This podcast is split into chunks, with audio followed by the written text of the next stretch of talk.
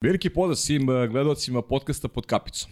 Evo nas u 115. izdanju, eh, izdanje koje je posvećeno završnici nacionalnog kupa i naravno i danas i sledeće nedelje eh, govorit ćemo o pobednicima. Dakle, današnji podcast biće posvećen Vatrpol klubu Crvena zvezda.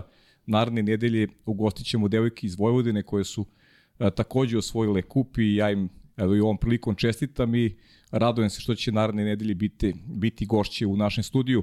E, pratite e, naravno Instagram profile i Aleksandrin i moj i Sarin, pa saznaćete ko od devojaka dolazi e, da nas poseti naredne sedmice. A, a meni je zaista posebno zadovoljstvo što imam priliku da ugostim jednog sjajnog trenera, sjajnog čoveka, čoveka koga sam sjao grešio pre dve godine i to sam nekoliko puta pričao u ovom podcastu. Pre dve godine kada je Crvena zvezda uh, osvojila nacionalni kup, nisam ga pozvao na, go, na gostovanje, jer tada malo i koncept emisije bio drugačiji, ali ne traži nikakav, nikakvo opravdanje i, i drago mi je što se kockice tako lepo složile da možemo danas da pričamo onome što se dešavalo pre dve godine, a i onome što se odigralo toko vikenda. E, s tim što je neki moj utisak da je Crvena zvezda ove godine napravila uh, jednu onako pravu sportsku senzaciju uh, osvajanjem trofeja, Zvezda koja je pobedila dva fantastična rivala u dve sjajne utakmice, Radnički i Novi Beograd, dva tima koje učestvuju u Ligi šampiona, dva tima koje su negde kreirana da se nađu na Final 8 u Lige šampiona, dva tima koji su u krajnjem slučaju apsolutni favoriti za osvajanje ne samo domaćih trofeja, već i za trofeje u regionalnoj ligi i onako poprilično je odjeknula uh, cela ta minula sedmica iz perspektive muškog, uh, muškog kupa, jer odigrati u dva dana takve dve utakmice, mislim da mogu zaista samo, samo veliki i Zvezda je potvrdila da, da je ovaj sastav izuzetan, da ima izuzetne pojedince, a da ima i izuzetnog trenera. E, taj izuzetni trener je e, moj gost i e, kažem još jednom ogromno zadovoljstvo što mogu da pričam sa Aleksandrom Filipovićem Makije. Maki, dobrodošao. Kockice su se konačno složile i iz percepcije tvog ostovanja i zaista sam onako najiskrenije srećan što si tu. Bolje vas našao, hvala što ste me pozvali. I s neke strane mi je drago što me nisi pozvao prvi put, da. zato što si nas naterao da moramo da ponovimo taj uspeh.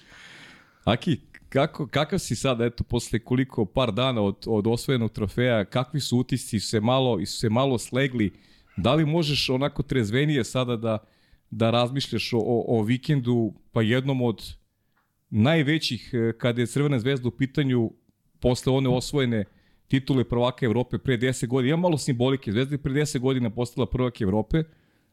Ja iskreno ti kažem, e, ne mislim da se nakon toga dogodio veći uspeh e, Zvezdin od ovog. Kada pričamo o konkurenciji i o načinu na koji ste ti igrači ovaj, izneli, izneli ovaj vikend na 25. maja.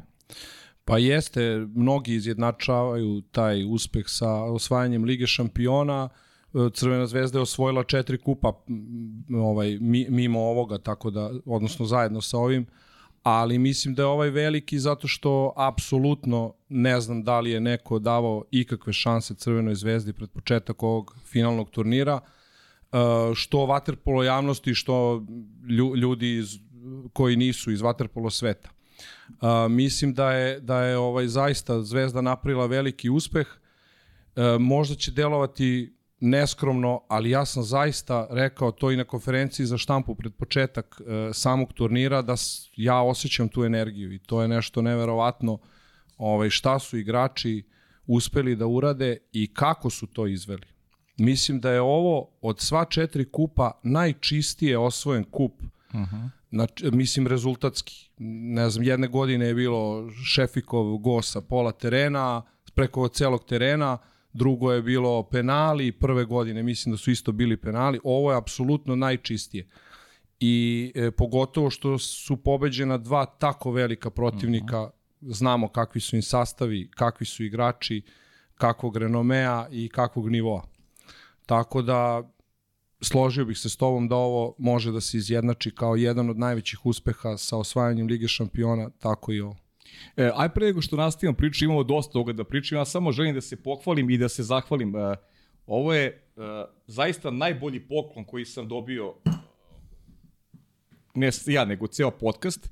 Ovo je lopta sa kojom se igralo finale kupa i ovo, ovde su popisi svih igrača Crvene zvezde. Ja im se onako i u svoje ime i u ime svih ljudi koji organizuju e, celu priču ovde u studiju Infinity Lighthouse-a zahvalio i ova lopta će zaovek imati posebno mesto uh, u ovoj nekoj, da kaže, našoj, našoj vatrepolo vitrini.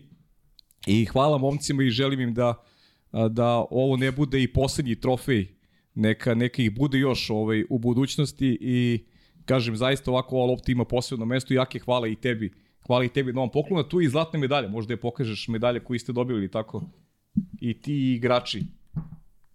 Ovo je medalja koju smo osvojili zaista velikom mukom. Velikom mukom, da. Ajde I... priča malo o toj, mu, o toj muci koja vas, je, koja vas je snašla. Muka prvo zvana Radnički Kragovec. Radnički Kragovec koji godinama zaista slovi za jedan od najboljih timova, imaju jedan sistem već onako poprilično jasan, izgrađen, imaju kvalitetni igrače. Kakav je bio pogled na tu utakmicu, kako si pripremao igrače, Pa moram prvo da se osvrnem na, na finale kupa uh, pre dve godine, uh mhm. -huh. gde smo isto igrali sa radničkim, ali smo igrali u finalu. Ovoga puta je to bilo polufinale. Uh, zaista smo dobro pripremili utakmicu. Uh, te godine je sastav radničkog bio zaista fizički dominantan i morali, znači, apsolutno smo na potpuno drugačiji način, izvinjam se, morali uh mhm. -huh. da pripremimo ovaj, ovaj tu utakmicu, tako da smo morali da ih nateramo da uđu u naš ritam koji je nama odgovarao, e, da sprečimo tu njihovu fizičku dominaciju, što smo ovaj na kraju i uspeli. Ove godine sastav ekipe je malo drugačiji, gde mi imamo i dalje e, na mestu bekova i centara izuzetno jake ovaj jake igrače i fizički i mentalno i svakako. Uh, ali su oni činjenica teški, malo spori i tako dalje ali zato imamo sa jedne i sa druge strane igrači koji su uh, dosta dobri, plivački, brzi, okretni, snalažljivi, brzo misleći što bih ja rekao.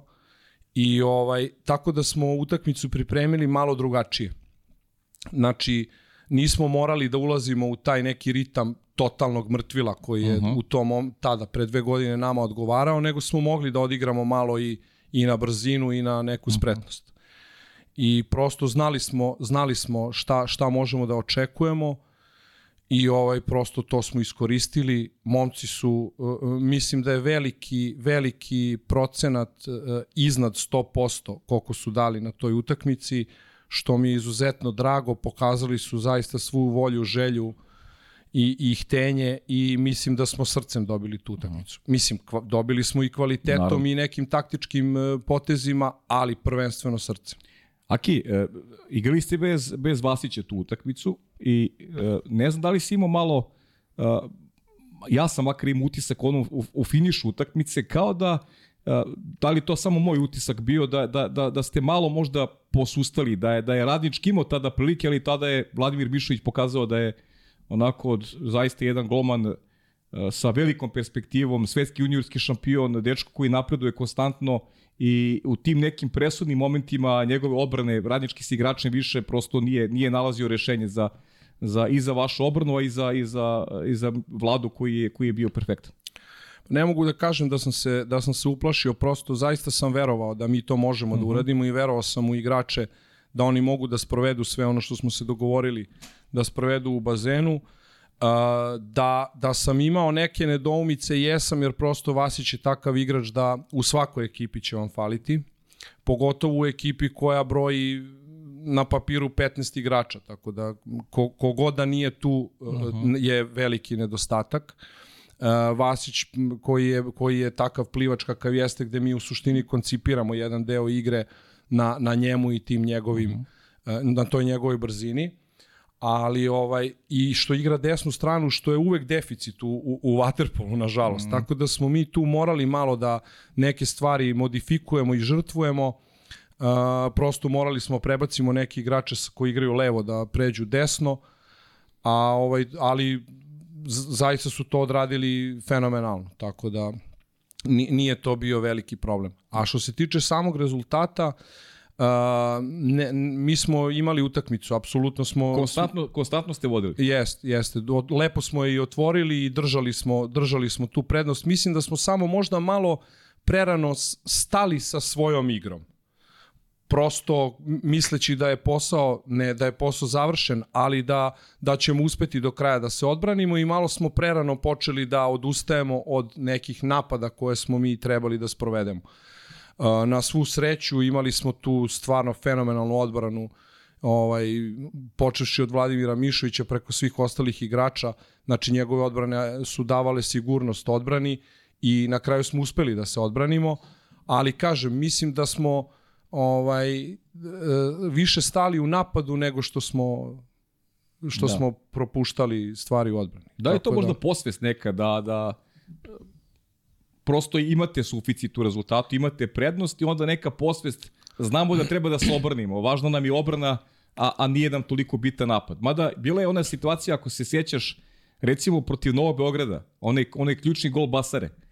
Basara je protiv radničkog ima onu stativu da je, da, je, da je to ušlo, to bi opet negde rešilo bi, rešilo bi na isti no. Da. način kao protiv Nove Beograda. Samo eto nije, nije, nije Basar imao sreće da, da tu akciju završi golom. Jeste, pa ne, ne mislim da je tu neka koncentracija i prerano opuštanje. Prosto srpski vaterpolo se godinama unazad zasniva na, na, na dobroj odbrani. Tako da se mi svi fokusiramo na tu dobru odbranu, ali ovaj ali ova utakmica nam je do, do, dozvolila naš rezultat je dozvolio da mi možemo malo da stanemo mada kada budemo pričali o, o Novom Beogradu onda ću to onda ću to spomenuti -hmm E, prosto ne bi smela ekipa da dozvoli da u određenim momentima stane sa igrom koja donosi dobar rezultat.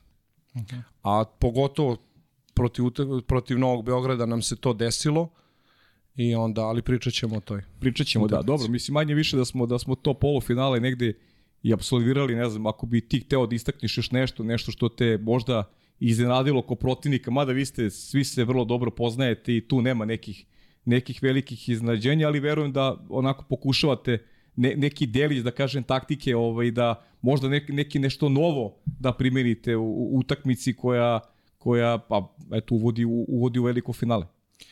Uh, mislite na taktiku, na taktiku od prethodnog perioda? Tako ili... je, nekog prethodnog perioda, nekih ranih mečeva sa radničkim, možda što ste naučili ovaj, iz tih duela sa Krugevčanima u, u, u ranijoj fazi sezona?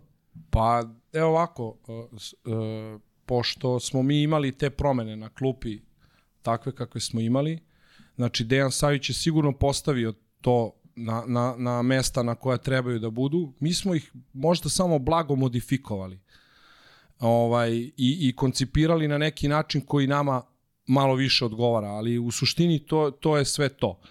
Dejan Savić i ja radim, smo radili i ranijih godina zajedno i vrlo slično razmišljamo i koncipiramo, koncipiramo igru. Tako da, a što se tiče same, same ekipe, uh, uh, mislim da svaki trener pred početak sezone mora da sagleda ekipu pojedinaca uh -huh. i da na osnovu da na osnovu njih, njihovih individualnih kvaliteta uh, uh, to sprovede u delo. Znači da napravi takav koncept igre da svaki moment, odnosno da svakog igrača iskoristi najbolje što može. Tako da vi imate potpuno različite taktičke, taktičke varijante sa različitim ekipama. Znači imate ekipe koje neke stvari mogu da izvedu, neki ne mogu. Jasno. Prosto ovaj, koncipirate, kon, zato sam i napravio razliku između prethodnog kupa i, i, i ovog sada. Prosto dru, e, malo je ra, drugačija ekipa u odnosu na, na, na ranije. Tako da smo mi e, to uspeli da podignemo malo e, jedan nivo da, da prosto možemo i fizički i brzinski i da se da pariramo drugim ekipama, što pre, pre dve godine nije bio slučaj. Aki, kako se, kako se pripremaš ti, kako se priprema ekipa? Uh, sigurno je mnogo lepo osjećaj. Jednog favorita si srušio, uh, izbacio si ga iz dalje takmičenja i onda te čeka tim koji je napravljen da bude najbolji u Evropi. Uh, Kako se, kako se tu obavlja, kako se pripremate za, za, za jednu takvu utakmicu? Kako si ti proveo noć između, između ovaj, polufinala i finala? to može moja supruga da kaže. pošto, pošto niko nije spavao u kući. Tako, da. da. Ovaj, pa mislim, gledao sam i jednu i drugu utakmicu nekoliko puta tokom, tokom te noći. A, prosto mislim da je, da je velika stvar u tome što mi nismo osjećali nikakav pritisak pred ovaj kup. To, to moram da kažem. Mi smo jednostavno osjećali odgovornost jedni prema drugima i sami prema sebi da moramo nešto da uradimo zbog nas samih a ne toliko ovaj pritisak nekog rezultata jer mislim da smo mi ulaskom u to u to Final Four praktično uh, tu neku javnost zadovoljili koja nas je tu tu svrstala i mi smo praktično došli do nekog nivoa gde su svi smatrali da treba da budemo. Ali ja sam samo pokušao da probudim nešto više u, u, u tim momcima i da im dokažem i pokažem da oni to mogu. I oni su to prihvatili na jedan fantastičan način i zaista to odradili kao što znate da. impresivno. A, a kaži mi, jel si, pošto si rekao da si gledao i drugu utakmicu, znači da li si Da li ti se pojačao optimizam gledajući e, duel između Novog Beograda i Partizana? Pa u nekom momentu da, u nekom momentu ne. Prosto u, u nekim periodima igre se e, e, video kvalitet tog Novog Beograda, koji prave seriju u poslednjoj četvrtini od 6-0, gde vi zaista vidite jednu takvu dominaciju. Moć. Da, moć, bukvalno moć. A ovaj a s, pogotovo sa ekipom koja jeste ta ekipa Partizana mlada i sve to stoji, ali su oni izuzetno fizički spremni. Znači oni mogu da plivaju tri utakmice za redom, a ne jednu. I, I to je vrlo specifično da oni tu nisu uspeli da isprate, da isprate taj ritam. Tako da vi vidite tu moć, ali s druge strane uh, vidite i slabost. Vi vidite neke druge slabosti koje, koje smo mi uspeli da iskoristimo u, u nedelju. Ćeš da nam otkriješ ove te slabosti ili nećeš? ne pričamo detalje. Pa ja mislim da... Da je rezultat govori sve. Ja, ja mislim da su oni svi tamo dovoljno iskusni i dovoljno pametni da će oni sesti i videti da, okay. svoje slabosti. Ajmo da, ajmo da prođemo kroz, kroz tu finalnu utakmicu. Uh, finale, onako, vrlo neobičan meč. Onako, najblaže rečeno. Pogotovo nakon onog vojstva Novog Beograda o 7-3, kada je onako veći deo javnosti, a mora da prizna da sam među njima bio i ja, pomisli da će Novi Beograd da osvoji prvi kup na teritoriji Srbije. Onda se dešava jedan moment kod tog rezultata 7-3 kada čovjek sa moje desne strane traži time out. Šta si rekao igračima? Tajna to? Pa da, ništa, ajde ako da, onda da krenemo od početka. Može, ajde. Znači, e, svi znamo da Waterpolo ima četiri četvrtine. Ova utakmica po meni nije imala četiri četvrtine, nego tri trećine. Znači imamo jedan, jedan e, prv, prvu trećinu gde smo mi prilično, prilično ravnopravni, ali Crvena zvezda pokazuje da je za nijansu bolja. Zašto? Zato što mi imamo rezultat koji je 3-2 za nas, promašujemo peterac i promašujemo kontru 1 na 0. Vrlo često se dešava da u Waterpolu vi kad promašite peterac to daje apsolutno krila uh, onoj drugoj ekipi i nisam, zaista nisam jedan put gledao preokrete posle odbranjenog peterca, to se često dešava. Znači, posle toga mi ulazimo u, u jednu krizu gde, ovaj, gde oni prave seriju od 5-0. U, u nekim momentima mislim da je bilo 5-3 recimo za njih, gde ja, gde ja uočavam problem i vidim šta se dešava i pokušavam to da, da sugerišem ekipi koja je u vodi, međutim oni mi svi pokazuju da me ne čuju. I ovaj nakon toga ja sam jednog igrača sa klupe, znači dao sam mu određene instrukcije i stavio sam ga u, u, u ekipu da bi on preneo to ekipi, međutim ništa se nije desilo. I ja ovaj, u tom momentu sam bio prinuđen da prosto morate prekinuti seriju i ja sam uzeo time out. I o, ovo što smo pričali za ekipu radničkog. Da smo u određenom momentu stali i da su oni počeli da nas stižu. Znači ja sam primetio da nama nije, nije bio problem u tom momentu u odbrani, jer mi kada njih svedemo na pozicijnu odbranu, mi jako teško prijamo golove, zaista. Znači imamo zaista dva beka koja su fenomenalna, ekipu koja je u tom momentu pokretna na svakoj lopti, posle jednog maha on je na, na, na svom igraču, nismo im dozvolili baš da tako lako šutiraju. Uh, a, nego su počeli da, da nam izlaze u kontru. Imali smo, ja mislim, tri gola iz kontre. Strahinja, Granados i Manda. Znači, to je bio problem, ali nije bio problem u tome što oni idu u kontru, nego je bio problem u našem pasivnom napadu, jer mi smo njima u, u toj njihovoj odbrani dozvolili da se odmaraju i da vrebaju moment za kontru. I ja sam samo skrenuo, a počeli su da igraju tu neku M zonu sa desne strane, gde sam ja u suštini samo skrenuo pažnju, jer mi smo to znali i vežbali U suštini samo sam ih podsjetio da moraju da budu aktivniji u napadu kako bi sprečili kontru. I šta treba da rade kada, kada se igra M zona. I onda je to krenulo na bolje. Krenulo na Kada bolje, smo da. ih sveli na pozicioni napad, apsolutno smo uspeli da se branimo i lagano, malo po malo. Imali smo fenomenalan procenat igrača više, mislim da je bio 8-6 i, i lagano, go po go, go po go. Mi smo napravili seriju od 6-0 i došli na 9-7. Da, ja, opet, ka, kako bih iz pozicije gledalaca sada da pričam, neko se interesovanje vratilo kod onog basirnog gola za 7-5, to je sad finiš druge četvrtine, jer to je sad bio taj moment jako važan pred, pred poluvreme, da se smanji ta razlika Jeste. koju je Novi Beograd stekao Jeste. i onda dolaze ta dva vezana gola, Basari negde baš u finišu druge četvrtine i gde verujem da je ekipa ponovo vraća taj moment, momentum i ima ima neki osjećaj da, da može do kraja da, da iznese utakmicu kako treba. Jeste, jeste. Bilo je jako važno, ovaj, pošto smo mi krenuli da se vraćamo polako, ali nažalost taj kraj četvrtine bi nas sprečio u tome. Znači bilo je jako važno da do poluvremena što više ovaj smanjimo tu razliku. Ali posle tog gola zaista ja bi kada smo kada sam došao tamo ovaj na nakon između druge i treće četvrtine apsolutno ne znam da li je bilo razloga da im rekao sam im bukvalno tri reči okrenuo se i pustio njih da, da jer sam video u, njih, u njihovim očima i u njihovoj energiji da, da je to to. Znači, postigli smo, sprečili smo probleme koje smo imali, zaustavili i sad samo treba da nastavimo dalje. Znači, bukvalno sam rekao tri reči i okrenuo se i pustio njih da, da, da se dogovore šta i kako i u njihovoj energiji sam osetio da će oni nastaviti dalje i tako i bilo. Znaš, to je još jedan od mojih utisaka, ovaj, Granados koji je bio potpuno ovaj, zaustavljen uh, od, od Zvezdine obrne, momak koji igra fantastično u posljednjih godinu i po dana, koji manje više na svakoj utakmici, ono 3 plus kada su golovi u pitanju, on, on u finalu, ako se ja ne nije dao ni jedan gol, a pritom je, a pritom je ili dao neki gol, a? Mislim da je dao jedan. možda jedan, ali utisak moj je bio da je, da je apsolutno zaustavljen na tom meču. Pa jeste, Granados je, Granados je zaista fantastičan igrač, možda i jedan od najboljih na svetu na toj, na toj poziciji na kojoj igra, ali je Granados isto tako igrač koji se, koji se hrani iz brzog plivanja, koji se hrani iz, iz te kontre, ko, kome to diže samopouzdanje i tako dalje.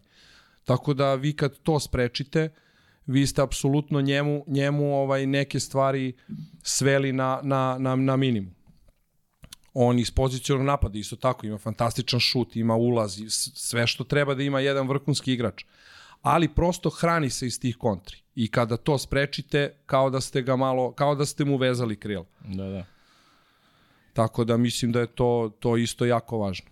Aki finiš opet te malo podsjetio na, na, na taj duel sa, sa radničkim u polufinalu. Jeste. Opet plus jedan zvezda, opet idu napadi i s jedne i s druge strane, opet Vlada brani šta treba da obrani i kako vreme odmiče, sve više ovako se uh, očekuje da da Zvezda podigne trofej. Kako si ovaj preživeo te te, te posljednje trutke meča, taj posljednji napad i onaj i onaj momenat kad uzimate onu posljednju loptu Ako se ne varam, tražio si time out, Da, tako beše, da. tražio si time out, Da. to je neki 20 sekundi bilo pre kraja, Jeste. možda i malo manje. Tad su im trebale hladne glave da se čuvaju loptu i da ove Jeste. kovoče ono što su radili naporno dva dana. Pa jeste, mi smo uzeli loptu, mislim da smo imali imali smo vreme, znači apsolutno do, do kraja, Do kraja, napada da. na velikom semaforu. A ja sam ispekao jednu veliku školu pre nekoliko godina na vrlo sličan način, gde sam uh, odmah u momentu od uh, uzimanja lopte tražio timeout. Iako smo mi imali pun napad. I u nekom momentu Uh, pošto napad traje 30 sekundi, Ne. prosto a vi s 30 sekundi bežite, branite se i sudije gledaju i sad samo čekaju moment kada će dati priliku protivniku. I ja sam prvi put ovaj, tu grešku napravio i uzeo sam time out, mi smo posle 15-16 sekundi izgubili loptu i dobili kontru i izgubili tu utakmicu. Ovaj, posle toga sam zaista razgovarao sa puno ljudi, konsultovao se i tako dalje i skonto sam da to nije dobro, da odmah uzmete uh -huh. time out. Znači, sve dok smo kontrolisali, dok smo imali igrača koji nije apsolutno ugrožen da bude napadnut, pustio sam vreme do momenta dok igrač nije napao Duleta Markovića, mislim da je kod njega bila lopta. Znači, po, polovinu tog vremena smo potrošili. Potrošili, da. Da, i praktično vi onda njima dajete dva puta po 15 sekundi umesto jednom 30, što nije isto, jer vi sma, sprečavate neki kontinuitet Tako napadanja. Tako da ovaj nakon tih 15 sekundi mislim da je to to je bilo to apsolutno smo rasporedili kako treba, imam zaista dovoljno iskusnih igrača koji, koji mogu i znaju da sačuvaju loptu, samo sam im skrenuo pažnju da ne ulaze ni u kakve duele i da beže bukvalno od, od igrača Novog Beograda da ne bi bio neki kontrafaul ili. Je li ima neki specifičan moment utakmice koji će da pamtiš? Nešto što, što je možda tebi uh, u tvojoj glavi možda neki prelomni moment koji, koji će ti ostati urezan ili, ili neki detalj koji možda eto, mi sa strane nismo primetili, a ti može da, da podeliš sa nama? Pa većina ljudi će reći da je to taj time out, da je on Da, da, je on 7-3. definitivno ovaj 6-3 je bilo, 6-3, primili tako. smo još jedan gol, ali nesrećno, ali smo onda počeli da igramo onako kako kako kako treba i kako smo se dogovorili. Ja ja ne bih ovaj mislim je, jeste to neki moment kada mi počinjemo da igramo, ali u suštini ovaj mislim da je naš procenat e, e, igrača više bio 8-6 i mislim da je to apsolutno znači oni nisu imali rešenje za to. Uh, Luka Seman je sa stative dao dva vezana gola, čini mi se, i, i apsolutno vi kad imate ta, takav, takvog igrača više i takve igrače na stativi, oni moraju da se povuku i daju prostor spoljnim igračima, što smo mi ovaj, i kasnije koristili. N- Ne bih izdvojio ništa kao neki, eto, ajde, ako ljudi kažu neka to bude Da. taj time out. E, Često se dešavalo i, i tokom tvog prethodnog mandata da da baš, da vas baš sreći nije mazila u nekim nekim bitnim utakmicama, pričam i o povredama igrača, bolesti igrača. Eto i sada ste imali, Dušan Vasić nije igrao u polufinalu, ali Dušan Vasić bio spreman za final, dao jedan mnogo važan gol uh, protiv Novog Beograda, ali eto možemo da konstatujemo da Crvena zvezda kompletna bila, pa ajde da kažem, u jednoj od važnijih utakmica ove sezone, vratit ćemo se na Evropu, bilo je još jedna mnogo važna i, i prava štete što a, nije prošlo kako, kako je i moglo, kako je možda i trebalo, pa ili smatraš da se negde da se negde eto i vratilo za, za te neke e, pehove koji se dešavali u prošlosti, a, a imali ste ih u nekim važnim momentima? Pa ako tako ovaj smatraju zvezde, Da. neka, neka bude tako. Mislim, Dušan Vasić je zaista, ovaj, on je stvarno bio baš dosta bolestan imao je baš visoku temperaturu nekoliko dana. A, sa našim doktorom smo mi odlučili da, iako on imao neverovatnu želju da igra i to polufinale, a, procenili smo da je možda bolje da još taj jedan dan odmori. On je praktično u nedelju ujutru prvi put skočio u bazen, nije se baš osjećao najsjajnije, ali njegova želja je bila fenomenalna. Znači, on je meni tokom cele te nedelje me zvao i rekao ja neverovatno koliku želju imam da igram i hoću i moram i ne znam šta da se desi, ja sam tu. I kada smo se čuli pred polufinale, on je poželeo sreću i rekao je ne brini ništa, sutra sam tu na finalu. Da, sjajno, sjajno. I onda završava se utakmica i ide onaj skok tvoj ovaj, u bazen zajedno sve. Gledamo malo neke, neki detalje ovaj pre početka utakmice, tako, e, tog finala. Gledamo malo da. slike sa e, ovo je inače iz lične kolekcije našeg e, gosta, ove fotografije koje imate priliku da ispratite i završio si u bazenu i hoćeš ajde da podelimo ovaj, taj tvoj optimizam ovaj, da sada ne reklamiramo ovaj konkurentske kuće, ali uh, pripremali su te za izjavu nakon utakmice još pre uoči velikog finala, pa ajde kaži šta si, šta si rekao pre početka finala. Pa nažalost to malo od ljudi može da potvrdi. znači može ovaj moj moj kolega, moj saputnik i, i moj pomoćni trener Balša Nikolić i može da potvrdi čovjek iz te televizije. Da. Ovaj, on je došao pre utakmice dok su se igrači još zagrevali i tražio od mene da, uh, pošto ide live prenos, da odmah posle utakmice dođem da dam izjavu za, za televiziju i ja sam mu rekao, izvinite gospodine, ali ja ne mogu baš odmah da dođem. On je rekao, zašto? Kažem, pa zato što ću ja biti u bazenu. I on me je pogledao, nije baš mislio da sam normalan, pošto u tom momentu ne znam da li bi neko pomislio da sam normalan, ali ovo, ja sam to iskreno rekao. I ovaj, I on kaže, pa dobro, ali kao kakve to veze ima? Ja kažem, nema veze, samo ću provesti neko vreme sa igračima, jer oni su tu najvažniji. Reku, i doći ću, ali doći ću mokar. I on kaže, ma dođi druže kako hoćeš, samo dođi što pre. Eto, to je, to je, Sjajno, to pa dobro, je i to- interesantno. Interesantno je zašto negde oslikava i tu neku a, veru koju si imao ti, a imali su igrači. Ja mogu da kažem isto da imao sam priliku nakon polufinala da, da, da se i susretnem sa nekima od, od njih i, i videlo se ta neka mirnoća, neka opuštenost. E, to je sad taj a, moment a, psihološki koji je jako važan a, u nekoj pripremi i turnira i, i utakmice, jer, jer stvarno se na, na njihovim licima nije vidio neki grč. I, i, i nisu bili posle pobede protiv radničkog oni nisu uživali u nekom slavlju, nego prosto su a, momci bili fokusirani na to što ih čeka.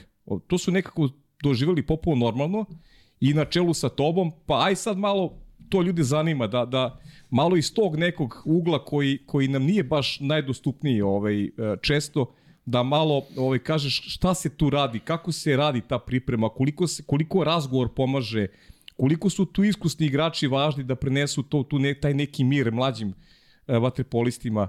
Aj malo sublimiraj celu priču koliko ti je, koliko ti je zgodno uopšte to da uradiš. Pa jako, jako je važno da imate starije igrače i ja sam ovaj razgovarao i juče sa Dušanom Markovićem i zahvalio sam mu se i rekao sam da je on kao kapiten Crvene zvezde isto tako odradio veliki posao maltene kao, kao da je bio u stručnom štabu, a ono u vodištu uradio to, svi znamo. A, mi nis, na, najveći je poenta toga što mi zaista nismo osjećali pritisak. U momke e, e, je, momci su samo trebali da veruju.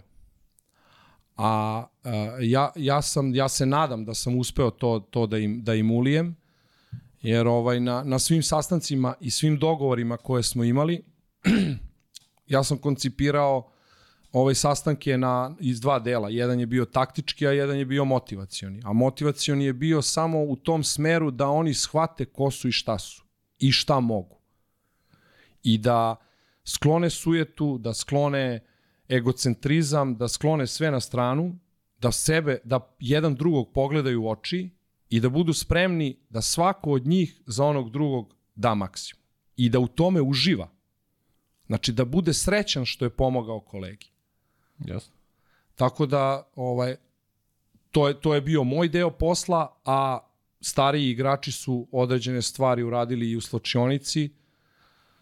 Tako da ovaj to je zaista urodilo plodom.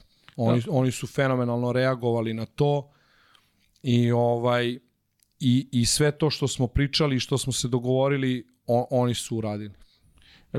Ja ću malo da zlopotrebim ovaj, to što imam priliku eto i da i da ovaj da se negde i da se vidim sa vama i da da ovaj ajde da kažem da se negde i, i, i družimo u krajnjem slučaju da da ono što primećujem jer sam primetio nakon polufinala taj neki drugarski odnos iz koga iza koga se krije poštovanje, ono, što, ono što, što je jako bitno. Dakle, drugarski odnos koji si ti napravio sa, sa, sa igračima i, i meni je zaista bilo onako, tada sam pomislio najiskrenije, pomislio sam da Zvezda može da osvoji, ovaj, kada sam vas video nakon utakmice, ono vaše sedenje zajedno priča o utakmici, dakle, pomislio sam da ste, oni su dobra grupa, mogu, mogu to da uradi. I to je nešto što, što je uh, meni kao novinaru uh, jako važno da, da mogu da vidim i da mogu da sagledam stvari iz više uglova i to je onako neku ruku privilegija i zaista sam pomislio da, da, da, da možete da napravite nešto iz te neke vaše komunikacije koja očigledno je bazirana na, na, na nekom drugarskom odnosu uz ogromno poštovanje koje postoji.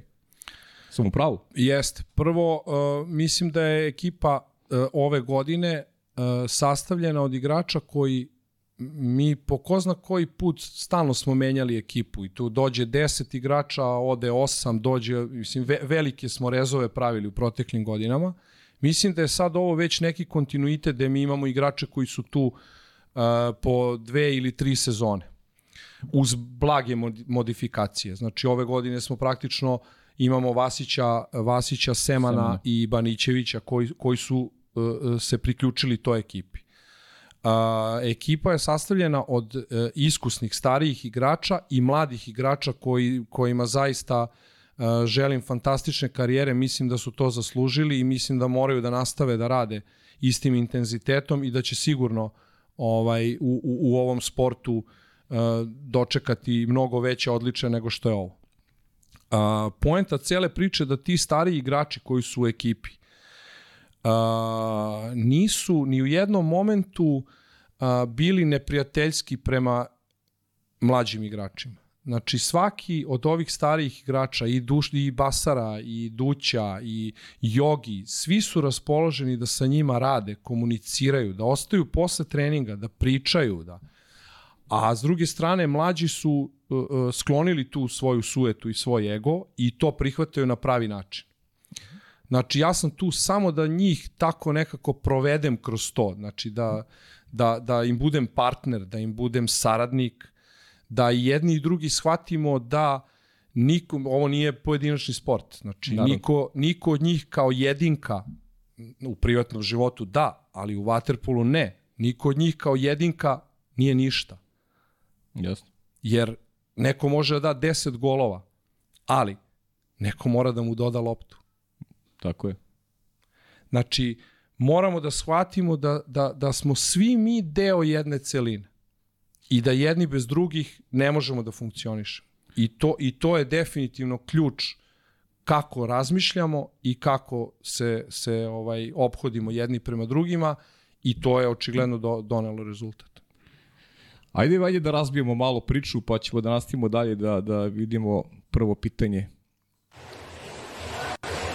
Svima, pre svega da pozdravim celu ekipu podcasta i naravno mog prijatelja i kolegu Akija. još jednom da mu čestitam na velikom uspehu od osvajanju Kupa Republike Srbije, kako njemu, tako i celoj ekipi i o, celom stručnom štabu, naravno. Ovaj, imam prvo jedno pitanje za njega, koliko mu je pomoglo to što je prošao kroz ceo sistem uh, mlađih kategorija, da kažemo od one početne obuke plivanja pa do seniora. I ako može da, pošto smo on i ja dosta putovali po nekim turnirima i pripremama ovaj, od uh, Nemačke, Italije, Haba Vaba, Hrvatska, Tomu Dovičić, Dubrovnik, uh, Mađarska i tako dalje, da ispriča neku anegdotu, na primer, Italije, Haba Vaba, kako me maltretirao da hodamo non stop, da idemo peške po 10 km dnevno. Toliko od mene, pozdravljam vas sve i puno uspeha. I može još jedno pitanje, da li da ga očekujemo treći put negde na leto u podcastu, što znači da bi osvojio prvenstvo Republike Srbije. Pozdrav! Hvala puno Džaletu, a da čujemo odgovore. Hvala Džale. Jeste, Džale je moj kolega. Ja kada sam počeo da, da radim u Zvezdi, uh, prve, prve dve generacije koje, znači, koje su napravljene, Jasmin i ja, odnosno Džale i ja smo, smo da. podelili Jasmin Halilović, ajde da budem, Jasmin, da budem profesionalan. Da. Jasmin Halilović, moj kolega, inače trener mlađih kategorija u Crvenoj zvezdi. Uh, mi smo imali grupu, ja mislimo da 80 dečaka u tom momentu i napravili smo dva spiska, jedan je uzeo on, jedan je sam uzeo ja i bukvalno smo krenuli od nule. Znači, to su deca koja su maltene, to je tad bila više škola plivanja nego škola vaterpola. Pa smo ih tek onda prebacili, bili smo tad na 11. aprilu, pa smo ih onda prebacili u veliki bazen. Tako da sa, sa Džaletom zaista imam fantastične ovaj odnose, on je maltene uh, trener sa kojim sam prvi put uh, i zajedno i radio i, i razmenjivao ne, neka iskustva. Uh, sa mlađim kategorijama smo, smo dosta i proputovali i, i ovaj, pojeli i slano i slatko, tako da ovaj, pozdravljam ga. Hvala, hvala Džale na pitanju, hvala ti na, na čestitkama, a što se tiče tog hodanja, pa uh, uh, ja ne znam, on voli da hoda on je tu zamenio uloge, ovaj, moju i njegovu. Ne kažem ja da ja ne volim da šetam, ali našli smo se u određenom momentu da ovaj zajedno de, de, de smo ovaj ne, neke momente Haba Vaba je bio stvarno ogroman turnir gde, gde ste imali po 4-5 utakmica dnevno. Bilo je preko 120 ekipa, to je strašno. I neke, neke momente smo koristili da tako malo šetamo, jer trenerski posao je stajaći, i bez obzira što bole noge, ali drugačije kad se hoda. Tako da ovaj hodali smo malo, grad je bio malo malo dalje i onda smo ovaj šetali, šetali do grada često. A vidiš, on kaže da si ti njega ovaj... Pa zaboravi. Zaboravi da, da. Dobro, eto, Džale, zaboravio si. Dža, Džale voli kad odemo negde, vo, voli da se bavi turizmom, tako da voli mm. da obilazi. Aki? A šta je bilo drugo? Da, drugo je bilo za... Da, uh, značilo mi je mnogo. Da. Zaista mi je značilo mnogo.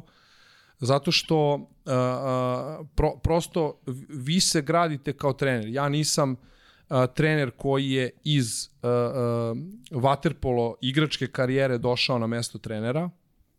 Tako da uh, sam bukvalno morao da prođem proces iz početka. Vi da bi sagledali da bi sagledali ekipe u prvom timu i igrače u prvom timu, vi prosto morate da, da znate ceo proces, morate da znate psihologiju i onog najmanjeg deteta i onog koji je prvotimac, koji je već iskusan. Tako da mnogo mi je značilo. Zaista mi je mnogo značilo. Aki, ovaj, imao sam prilike da razgovaram sa mnogim i vrhunskim sportistima i da, da čitam u krajnjem slučaju neke intervjue sportista koji nisu svojih prostora, a, trenera takođe, a, i, i svi se slažu jednom. Kada osvojiš prvi trofej, kažeš sebi, ok, mogu. Mogu i dobar sam. Ali potvrda vrednosti je osvojen drugi trofej. I tada se osjećaš moćno, jer pokazuješ sebi da, da, si, da, si, da, si, da si veliki, da, da, da si, da si na da ozbiljnom putu. Jel ti imaš osjećaj da, da sad osvojio si drugi trofej? Pre dve godine Crna zvezda došla do prvog trofeja, Aki kao trener, opet ni to nije bilo, ni to nije bilo, da kažemo, očekivano. I tada je Radnički slovio kao favorit u finalu Zvezda uzela trofej.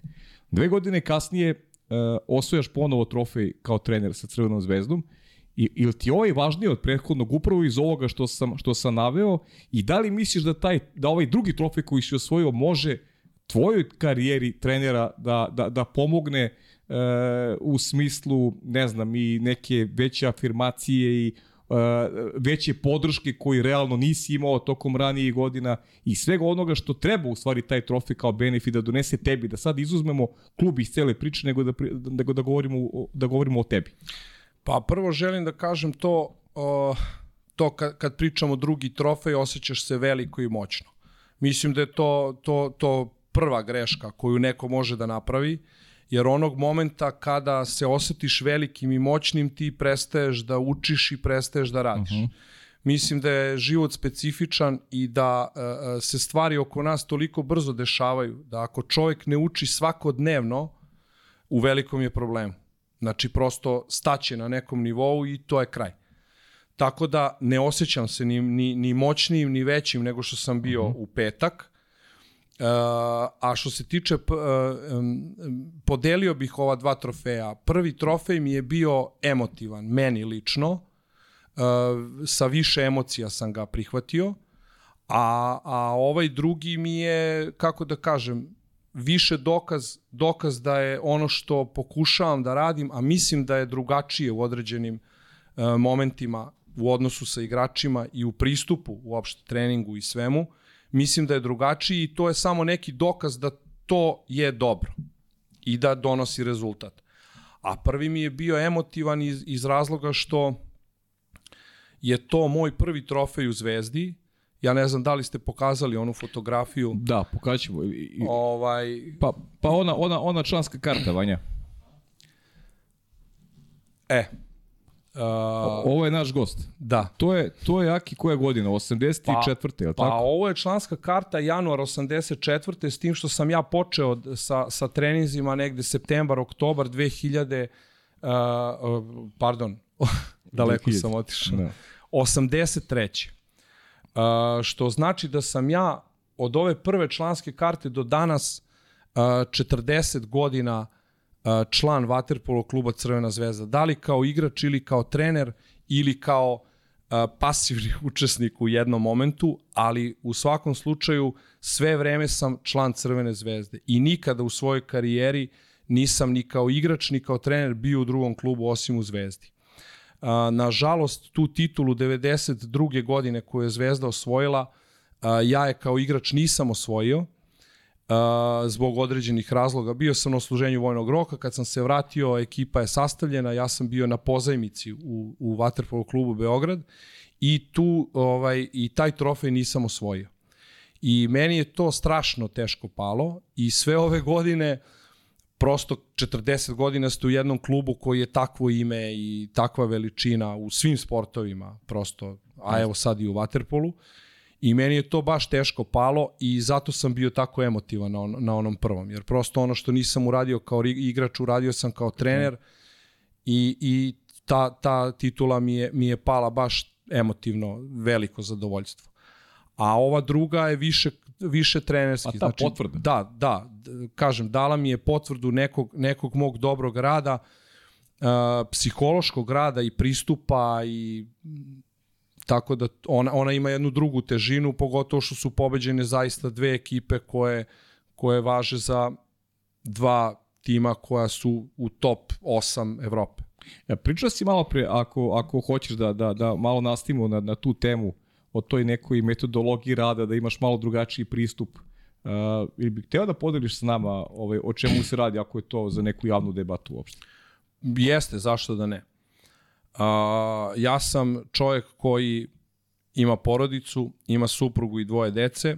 Moja supruga Sanja Filipović je profesor, doktor nauka i redovan profesor na fakultetu umetnosti u Novom Sadu. Uh, moja čerka Teodora Filipović je uh, dete koje je završilo dva fakulteta, inače je bilo sportista, bila je prvak Evrope u karateu, pa je se nažalost desile neke ružne stvari, imali su saobraćajnu nesreću gde su mnog, mnoga deca bila povređena i ona je morala da prekine karijeru.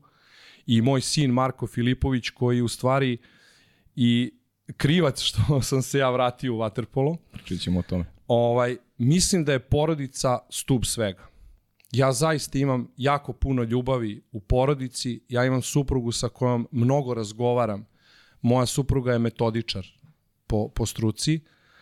Uh, metodika kao, kao nauka tre, može da se primeni u, bukvalno u svim sferama. Tako da ja mnogo razgovaram sa njom i ona mi mnogo pomaže u metodici rada i pristupa i tako dalje. A tako da ja imam uh, uh, ja ne mogu da budem drugačiji. Ja sam prosto tim igračima pružio srce i ljubav i mislim da su oni to osetili. Da, evo ovde smo supruga, ja ovo je posle, posle ovo je u nedelju. U nedelju. Uveč. Jeste.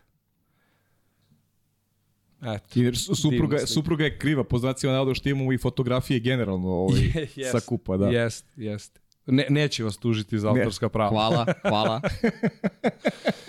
ovaj, tako da mislim da prosto taj moj karakter koji je takav kakav jeste uh, ima drugačiji. Nema, ja nemam rigidan pristup. Ja mislim da su se generacije promenile. Ja imam sina koji ima 21 godinu i mnogo sam od njega naučio. Gledajući njega, gledajući njegove stavove o životu, mnogo sam naučio. I to pokušavam da primenim i na naše mlade igrače. Mislim da su se, da su se mlade generacije dosta promenile u odnosu na ono kada, kada, kada smo mi igrali.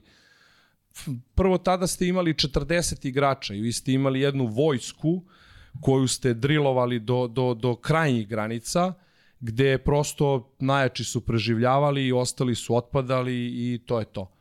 E, ja imam jedan humani pristup i, i mislim da prvo imamo ma, manje e, igrača u, u opticaju, a drugo ovaj e, njihov stav prema svemu tome se promenio. Vi danas ne, ne možete da postignete taj drill i da imate takav odgovor kakav ste imali ranije. Prosto morate toj deci da priđete na jedan drugačiji način e, kako biste iz, iz njih izvukli stvarno najbolje.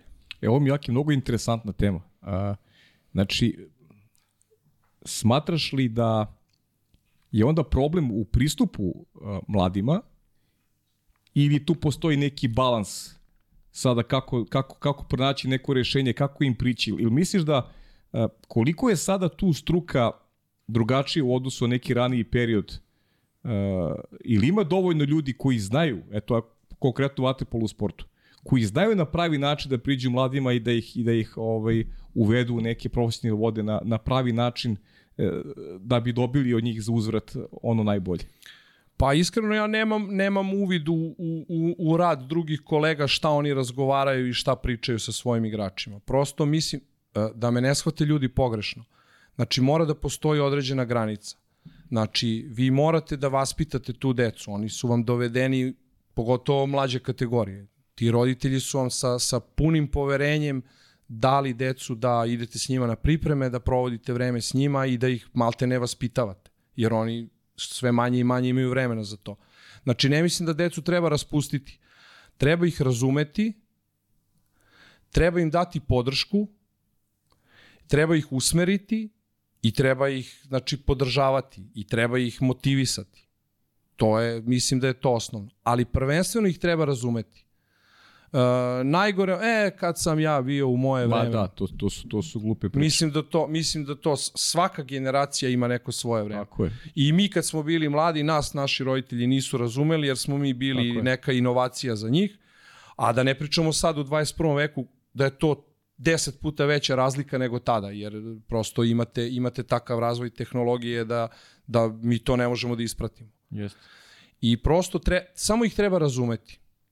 I, I davati im neke stvari koje oni misle da su, da su u redu, naravno, ukoliko su one u skladu sa nekim normama, što bih ja rekao, deset božih zapovesti, pridržavaš se i sve će biti u redu. Ovaj, ali, ali im treba dozvoliti i da imaju neki svoj neki svoj intiman, neku svoju priču, ne treba im to braniti i ne treba im to, t- to uskraćivati. Tako nema ono, nemaš ti pojma u moje vreme. Ne, ne, to mislim, mi, mi smo ranije na, na 10 godina uh, smo, smo se resetovali pa se menjalo, menjalo neki kriterijumi. Sad to imate na godišnjem nivou. Znači, bukvalno za godinu dana i sledeća godina više ni- nije isto. I to su drastične razlike. Super tema. E, Vanja, aj da mi Nikolu, molim te. Da, zato što mi se zato što se nadovezuje. Imao sam prilike da pogledam sva pitanja, ovo mi je baš zanimljivo, nadovezuje se pa možemo da proširimo temu. Pozdrav svim gledalcima podcasta pod kapicom, pozdrav za vaše gosta, čestitke na tituli, e, stručnom štabu i ekipi. Za gospodina Aleksandra Filipovića imam pitanje. Evo, desilo se već par puta da posle nekih turbulentnih dešavanja u klubu preuzmete ekipu i da to bude veoma pozitivno i po ekipu i po vas. Već drugi ku- kup je osvojen e, i to pod vašom komandom. Kako se zbog toga osjećate i kako objašnjavate te fenome- fenomene u klubu? Treća stvar, kakav je dalje plan vezano za za Vaterpol klub Crvena zvezda? I želeo bih da vas pitam da li sada posle ove osvojene, ja da kažemo, drugog kupa i druge titule u bliskoj budućnosti za zvezdu, imate plan možda da budete i kao neki mm, selektor nekog nacionalnog tima ili ti mlađe kategorija Srbije. Hvala puno. Ovo poslednje, ovo poslednje mi je bilo baš onako šlagvort upravo zbog tog rada sa mladima i tog nekog stava koji imaš ovaj, da li sebe tu vidiš, a ja bih počeo od ovog poslednjeg Nikolinog pitanja, pa ćemo da idemo onda, da idemo nazad. Pozdrav prvo mom dragom Nikoli. E, Hvala na pitanjima i hvala na čestitkama. A, pa ne, ne znam da li, da li znate, e, e, ja sam možda jedini e, selektor bio mlađih kategorija koji nije, nije imao ni jedan trening i ni jednu utakmicu. Evo, ja ne znam ovo, iskreno. Ja sam bio pretprošle godine ili kad je počela korona, bio sam selektor za generaciju 2002-2003 koja je trebala da ima uh, uh, u Istanbulu prvenstvo Evrope ili sveta, slagaću. Međutim, međutim, korona je to sve sprečila i mi nismo imali ni pripreme, ni prvenstvo. Tako da, ja sam bio selektor, imao sam čak i dobre spiskove, lepi su bi bilo onako pozamašan broj dečaka, ali nažalost to se nikad nije ostvarilo. A ovaj sa druge strane uh, ne, ne mogu da kažem da imam te ambicije. Ne kažem da to nije čast i ne kažem da to nije nije ovaj opredeljenje, ali prosto mislim da iziskuje jako puno energije i još više odricanja nego što je ovo. Ja sam pomenuo malo pre da imam porodicu koja mi je na prvom mestu i koje najviše volim na svetu i zarad porodice ne bih ništa žrtvovao. Znači, apsolutno ništa. Okay. Jesu oni meni velika podrška, ali prosto uh, i mi moramo da odemo na more i mi moramo Tako da odemo je. na zimovanje. Prosto ne želim da mi život prođe bez njih, jer da sam hteo da budem bez njih ne, bi, ne bismo se ni sastali ni, ni stvarali.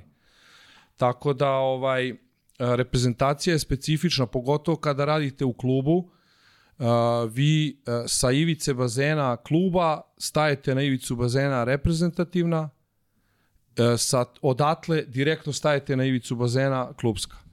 Znači, prosto mislim da smo i mi treneri isto kao i igrači i nama treba određeni reset i nama treba određena energija da bih ja sa voljom i željom mogao tog 15. avgusta da stanem na ivicu bazena i da dam svoj maksimum za taj klub, mislim da nam treba odmor pogotovo to neko punjenje baterija koje, koje ja imam sa svojom porodicom.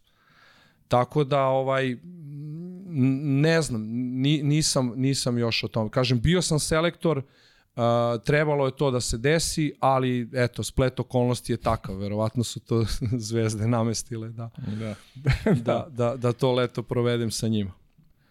A, a prvo pitanje, ambicije kluba. Da, ambicije je taj fenomen. Da, pa u suštini e, dosta smo razgovarali o tome. Ja mislim da to nije fenomen. To, to je prosto nešto što neko nosi u sebi ili ne nosi u sebi. Uh, ja sam igračima vratio veru, ljubav, nadu, poverenje i prosto oni su to osetili. Uh, kako da vam kažem, do, do, dolazimo u situaciju da, da imamo takav odnos da prosto jedan drugoga ne možemo pogledamo u oči ako nismo dali svoj maksimum. Znači, prosto da nam bude neprijatno što nismo uradili sve što smo mogli. A to nije ni bič, to nije ni pištaljka, ni štoperica, mm. nego prosto uh, spoznaja da to tako treba. Ako smo već tu, onda smo tu zbog toga i toga. Ako nismo, ajmo kući. I mislim da su oni to shvatili i mislim da oni, oni idu, idu dobrim putem i mislim da im to prija.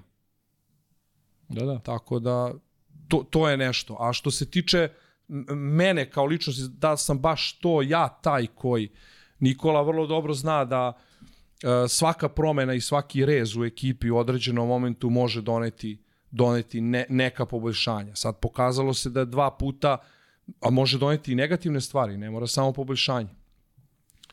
A, tako da ovaj eto tako se potrefilo da dva puta taj rez bude bude neki moj rez sa mojim nekim početkom i, i, i ovaj potvrdilo se da je to bio dobar neki put i eto, krunisao se neku, nekom, nekom titulom. Tako da... da.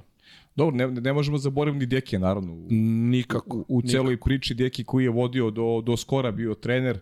Uh, u krajnje, ti, si, ti si posle onog kupa kasnije bila su ta, ta utakmica s TU-a kada si kasnije si otišao iz Zvezde, uh, vratio si se posle u stučni štab Dejana Savića, pričamo malo kasnije više o tome.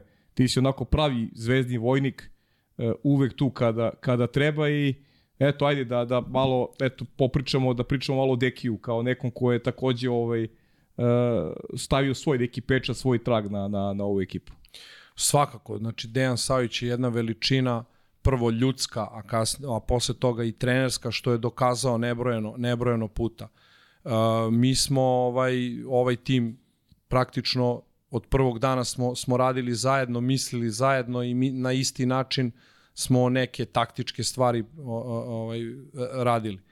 Tako da e, ne može niko da kaže da, da, da on nema veze. Znači Dejan Savić i, i ne postoji ekipa koja može taktički i tehnički da se promeni za dve nedelje. To nik, ne postoji mađioničar. Znači vi kad imate utakmicu dve nedelje nakon smene trenera, znajte da taj tehnički i taknički detalji su vezani za, za tog trenera. Znači, ja sam rekao i na početku razgovora, znači ovo je samo neka modifikacija i, i možda neka druga emocija koju, koju, koju, sam, ja, koju sam ja njima dao.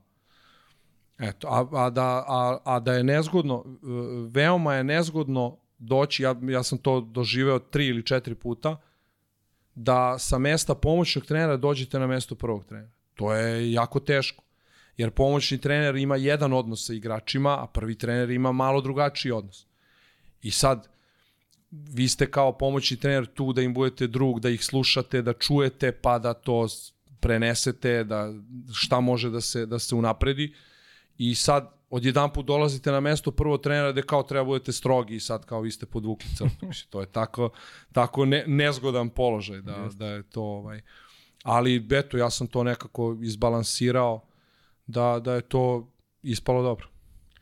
E, Aki, odjek je zaista ozbiljan. E, ajde malo da, da nam pričaš o tome e, ko je tebi sve pisao, čestitao, ja gledam i po ovim vaterpolo portalima, glavna vest je bila da, da je Crvena zvezda osvojila trofej, to niko nije očekivao. Da, ajde, budemo popuno Just. iskreni, niko nije očekivao i onako baš je, baš je odjeknulo. Prepostavljam da se Deki javio tu, tu nemam, nemam naravno, dilemu, tu naravno, nemam dilemu, ali naravno. ko ti još čestitao, ko si još, ovaj, ko si još oglasio? Pa šta, znači, bukvalno sa svih kontinenta i svih zemalja i svih gradova, ljudi koji mene poznaju i sa kojima sam imao bilo kakvu, kakav kontakt i saradnju, koji su imali moj broj, ovaj, su me kontaktirali, ja ne znam, mislim preko 140 poruka sam u nedelju veče kad sam došao kući imao. I narednih dana isto tako.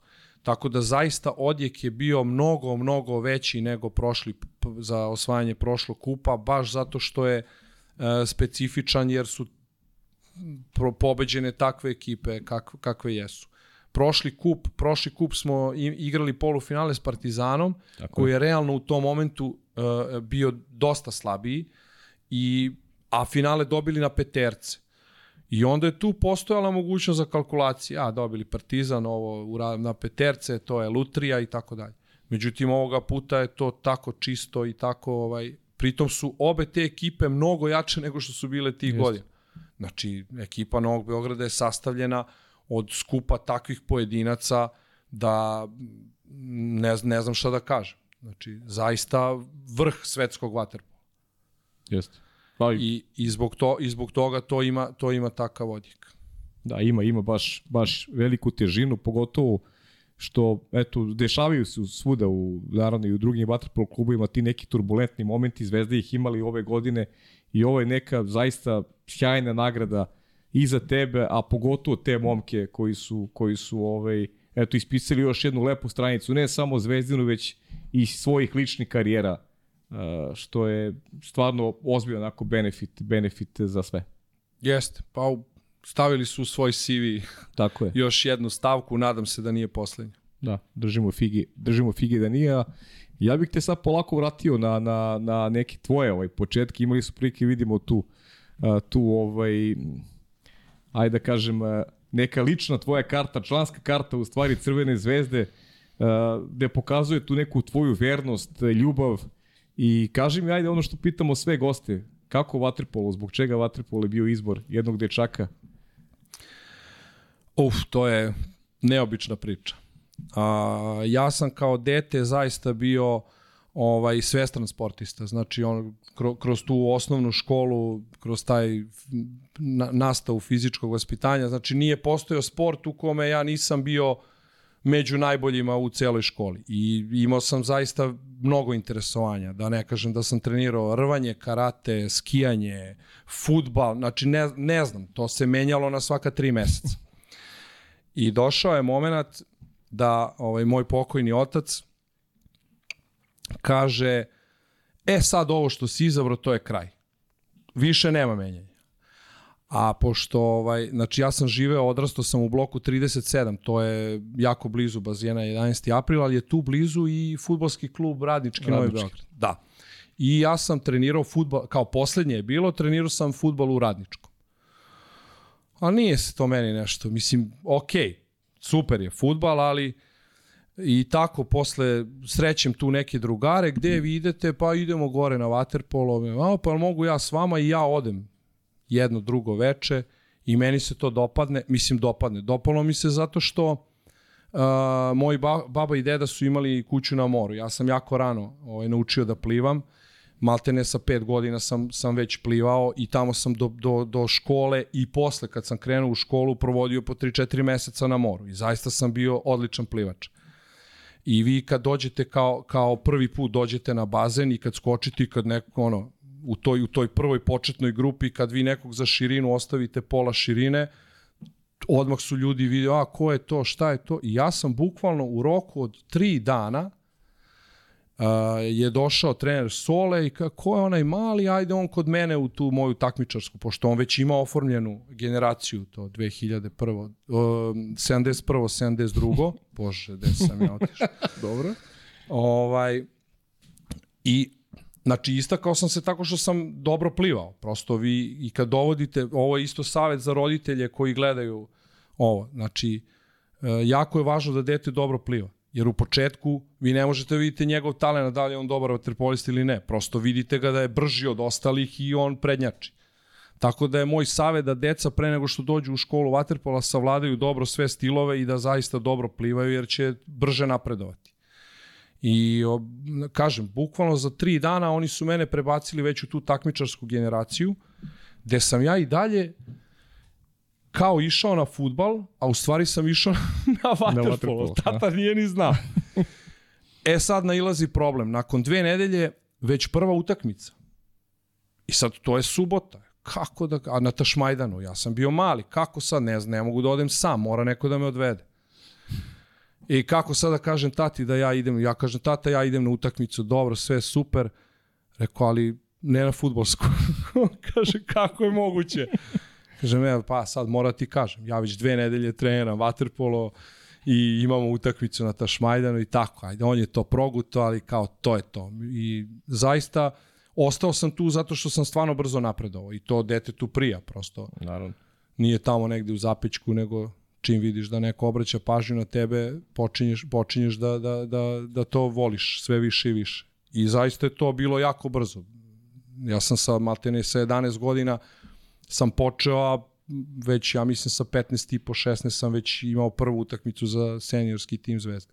Da. Koja je to generacija? Uh, kim si igrao? Pa ja, uf, ja, ja sam, kažem, baš mlad uh, počeo da igram za, za, za Crvenu zvezdu, prvi tim. Uh, tada je Viktor bio, Viktor je stariji od mene godinu dana, Viktor Jelenić, on je prvi prešao u prvi tim i počeo da igra.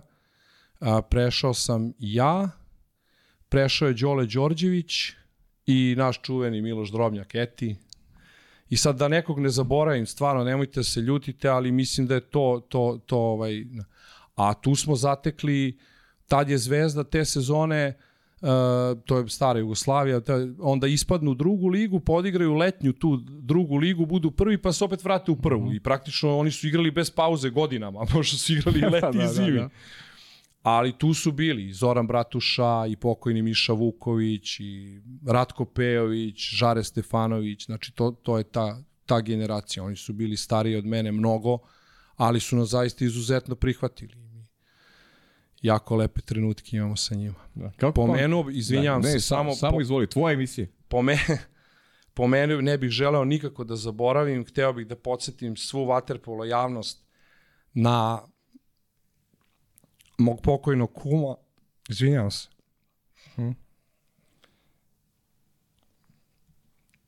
na mog pokojnog kuma Borisa Poljaka, koji je generacija 70. godište, koji isto tako zajedno sa nama prešao u prvi tim, jednog izuzetnog čoveka i velikog sportistu, koji je, nažalost, tragično preminuo. E, Aki, aj sad posle, teško je posle ovaj, ovaj, vratiti se, vratiti se u neki u neku priču i Izvinjavam se, ali prosto Na- na- imao sam ogromnu potrebu naravno, da, naravno, da njega spomenem. naravno. E, I treba se i treba se sećati ovaj ljudi koji koji nažalost više nisu sa nama i ovo su ovo su prilike da da tako nešto i radimo. E, kako se sećaš Aki tog tog debija, debija za prvi tim kao kao kao klinac je bukvalno doživeo nešto što što je san ovaj bukvalno svakog deteta da se pojavi na na najvećoj sceni. Ili imaš Da. ovde u je tako? Imam karte sa prve Je utakmice. tako? da. Ovaj, pa šta da vam kažem, zaista, zaista sam, sam bio jako mlad. Mislim, ja prosto, ta prva utakmica, ja ne znam šta mi se desilo uopšte. Znači, ne znam gde sam došao, publika, tribine, nešto kao ja se, ja se rasplivavam. Došli moji roditelji, Partizan u te godine, znači strašna ekipa, Igor Milanović, Anto Vasović, Gočani, znači Šoštar, Goran Rađenović, znači. To je znači ta utakmica Crvena zvezda Partizan. Jeste, to su To karte. je to je 13. novembar 87. godine. Eto, znači ja sam imao 16 godina. Da. Znači, to su karte sa prve utakmice moje debitanske, gde... Ne znam da može kamera da, da ovaj... To je... To je... Evo. To su iz sporta. Naravno, tada je postojao novim prostorima samo jugoslovenski sportski list sport. Tako je. Tako je i eto tu je Crvena zvezda Partizan. Eto i debi protiv večitog rivala. Jest, jest. Tako da, ovaj, mislim, meni kao mladom igraču to mnogo, mnogo značilo. Znači, po, prosto potvrde jedna, jednog mog dobrog rada i zaista uh, upornosti koju sam imao kao, kao dete. Ali, ali kažem, sa, sa te neke, neke tačke psihološke, znači ja stvarno nisam znao gde sam došao. Ja sam pao s Marsa. Eto, tako da to, to su neki počeci. Uh, nažalost Zvezda tih godina nije nije igrala neku neku baš baš bitnu da. ulogu. Uh, spomenuo bi samo moment, mislim da se sećam jedne utakmice, odnosno jedne sezone gde su mladosti Zagreba i Partizan se borili za titulu i apsolutno su sve pobeđivali. Uh, da li su između sebe su podelili bodove, tri Partizan, tri u Zagrebu mladost i te godine mi kao zvezda, kao neki outsider, odigramo nerešeno protiv, protiv mladosti. I praktično donesemo titulu Partizanu. Da. da, eto, to je nešto, nešto specifično. Da. Inače, ovaj, to je poluamaterski tad bilo, mislim, a putovanja, to da vam ne pričam kako avioni. Kako se putuje? Ma to se išlo. Je bilo i automobilima? Ma, ili... nije bilo automobilima, ali bilo je svim i svačim. To, da, svi, da, kako god znaš i umeš samo da stigneš. Znači, jedna, jedna ljubav pre svega. Pa. Jeste, jeste. Jeste, u, u tih godina da, sigurno. A mislim da apsolutno niko do, do momenta prelaska Igora Milanovića u mladost, mislim da je to prekretnica e, totalna u, u Waterpolu koja praktično gde se prelazi u jedan profesionalizam. A u, i... u, u kom smislu? U smislu da, da u smislu, profe, u smislu profesionalizma da čovjek može da igra, trenira, da da svoj maksimum i da živi od I toga. I da živi od toga. Tako je. Tako je. Pre toga su, većina njih su studirala, radila, nadoknađivali to na neki drugi način. Ne kažem ja da mi nismo imali novac za to, ali to je zaista su bile, ono, što se kaže, hranarine. Da, da, da. Ba da, to je, to je poznata priča, da, da vaterpolisti bukvalno da su škola pre svega, pa, pa jest, onda sport. Jest. Mislim da iz te generacije starije, koju sam ja zatekao kad sam došao u prvi tim, ja mislim da su skoro svi, ne skoro, skoro sam siguran su svi završili fakultete. Ali znaš šta je jaki fenomen? To, to je neki odnos uh, države generalno, baj da kažem, prema, prema Waterpolu.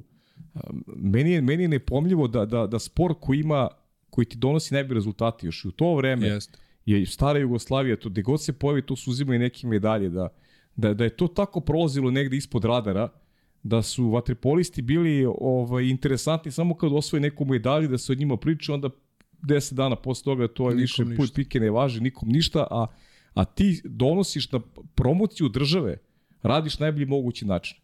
Jer ti si negde svetski šampion, olimpijski šampion, donosiš, donosiš ozbiljne benefite ovaj, svojoj zemlji kroz, kroz taj neki sportski rezultat, a Vaterpolo je često kuburio, ne znam, nema para, ima para, više nema nego što ima, stalno je neka, neka, neka igranka nikako da se stabilizuje ovaj, ta neka klubska scena koja u principu i donosi, donosi tu igračku bazu. Pa jeste, ali nažalost svi smo svesni toga i dan danas u, u, u ovakvom globalnom jednom vremenu da je waterpolo neprofitabilni sport. Jest, jest. I apsolutno vi ako nemate, ako nemate takve zakone i takve potrebe države, Uh, tada u to vreme imali ste veliki pomak u tome što, mislim, videli ste i ovu, i ovu člansku kartu. Ja mislim da tu imam samo osam ili devet pečata, posle toga više nemam. Ali zašto? Zato što a, u to vreme ste imali Sofku, koja je, ko, koja je ovaj, e, apsolutno finansirala sve. Znači vi kada ste imali mlade igrače koji su prepoznati kao talenti, vi više niste plaćali ni članarinu, vi više niste plaćali ni pripreme, više niste plaćali apsolutno ništa. Znači imali ste tu vrstu podrške, a, a sa druge strane a sa druge strane imali ste ovaj moment ovo što smo malo pre, što si ti malo pre rekao, imali ste sport i žurnal i tri kanala. Tako da i, i, ja, ja razumem i te ljude, njima su prosto bile vezane ruke, oni nisu mogli na taj način da isprate sport kao što mi danas možemo. Mi imamo danas i telefone i YouTube i e, svašta nešto da vi bukvalno na dnevnom nivou imate na 10 portala e, neke vesti vezane za vaterpolo. Tada je to bilo izuzetno suženo. E, Aki, neka i renesansa a Zvezde je krenula ovaj, tim dolaskom Igora Milanović. Igor Milanović je mnogo tih faktora objedinio, da kažemo, u, uh, ne samo u ovdašnjem, nego u svetskom vaterpolu. Zvezda koja je bila šampion, to su godine kada si ti, kada si ti igrao, kada se tražila karte, karte više, ja se sjećam tog perioda, ti derbi Zvezda i Partizana su ono postali malte neko futbalski. Štete što nije bilo većih bazena da mogu da isprate da. sve, sve one koji su bili zainteresovani. Možda je tu i propuštena opet neka šansa još tih 90-ih da, da si u tom pogledu malo više animira da se da, da možda ima prilike da publika u većem broju posećuje te mečeve, ali stvarno jedna renesansa koja koja je svima prijala, mislim, koji, koji vole vaterpolu, koji to prate. Kako je tebi izgledali ti, ti susreti, taj, ti trenizi sa velikim masovima, rad sa Nikolom Stamenićem, aj malo da, da, da malo evociraš uspoj na te dane. U, sve ono, u, onu muku koju si imao jer nisi bio deo ovaj, šampionskog tima. Da, pa ja na, žalo, na, na svoju veliku žalost nisam imao puno prilike da radim sa Nikolom, mm -hmm. odnosno mislim da nisam uopšte nikad ni radio sa Nikolom Stamenićem. Nikola Stamenić je u tom periodu bio u Partizanu, Uh, nakon toga, kada sam ja otišao na služenje vojnog roka, on je te godine došao u Zvezdu i te godine se pravio tim za 92. kada su osvojili titulu. Ja, nažalost, nisam bio tu. Tako da kada sam se vratio, da bih se vratio i ole u formu, ja sam se dogovorio sa klubom da da odem na pozajmicu u Beograd, na kojoj sam bio dve godine. Nažalost, spletom nekih drugih okolnosti, ovaj više se nisam vraćao u Zvezdu, imao sam tešku povredu i nakon toga sam i prekinuo karijeru. Bile su jako teške godine, ko je otišao za inostranstvo, uhvatio je zadnji voz, Uh, ja, nažalost, nisam, posle toga su došle sankcije i tako i da sam hteo, ja više nisam mogao da odem nigde i prosto to je to. Morao sam da se okrenem nekom drugom, nekom drugom smeru. Ovaj, oženio sam se, dete je bilo na putu, ja sam morao da tražim neki, neki drugi izvor finansiranja, počeo sam da radim, napravio sam tu firmu koja funkcioniše i dan danas, koja je isto tako neki stub i neka moja sigurnost Tako je. Za, za sve to što, što radim ovde. Uh, zahvalio bih se i njima jer oni zaista vuku dosta veliki, veliki teret da bih ja mogao da, da provodim vreme na bazenu. Možda kažeš ako hoćeš, nije nikakav problem, ali i ne možeš. Pa nije nikakav, firma se zove Aki. Okay, Aki. da, inače, Aki. inače Jednostavno. Da, knji, analiza, knjigovodstvo i investicije, pa smo mi to skratili, ali tako smo to kao slučajno našli. Da, da. Ovaj, inače, firma se bavi knjigovodstvom, tako da ona mi je jedan oz, ozbiljan ovaj, podstrek i kao neki stub koji mi dozvoljava prosto da se bavim ovim poslom. A, pogotovo u početku, mislim dok sam radio sa mlađim kategorijama, nisu to bile takve financije da ja mogu od toga da živim. Jasno. A ovaj, sad se to malo promenilo. I si imao ponudu da ideš u inostranstvo ili je bilo neki ponudu u to vreme, nije? A? Nisam iskreno, e, da vam kažem, po, ponuda iz inostranstva, prvo moraš da pokažeš neku, neku nekome i nekada želju da bi to možda i, i uradio. Ja u ovom momentu do, do skoro nisam o tome razmišljao. Mislim, mislim na igračku karijeru. Uh, bilo je, po, ja, znači ja sam te godine pokušao da odem u Španiju i nešto sam i bio na nekoj probi i malte ne smo se sve dogovorili. Uh, došao sam, vratio sam se za Beograd, a, supruga je bila studirala druga godina fakulteta u drugom stanju i onda smo vagali. Međutim, problem je bio, krenule su sankcije me, i svi su napustili sve ambasade, ja više nisam mogao do papira da dođem, tako i da sam hteo da odem, ja nisam mogao da dobijem papire da odem.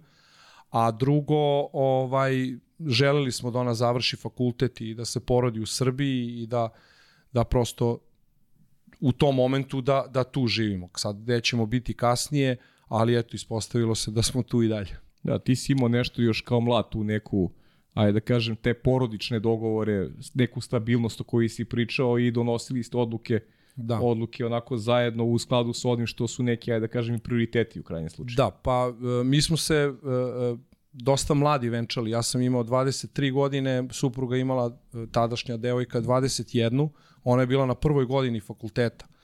I kada smo mi objavili to venčanje, u stvari ovaj svi su to prihvatili, ali e, njen tata je, je rekao sve ok, ali ja vas samo molim da ona završi fakultet. I ja sam to dao kao obećanje i prosto Jasno. sam se pri, pri, pridržao toga da, da to tako bude. Ok, ok. Ajmo, ajmo još jedno pitanje, Vanja, pa ćemo da, da e, nastavimo priču.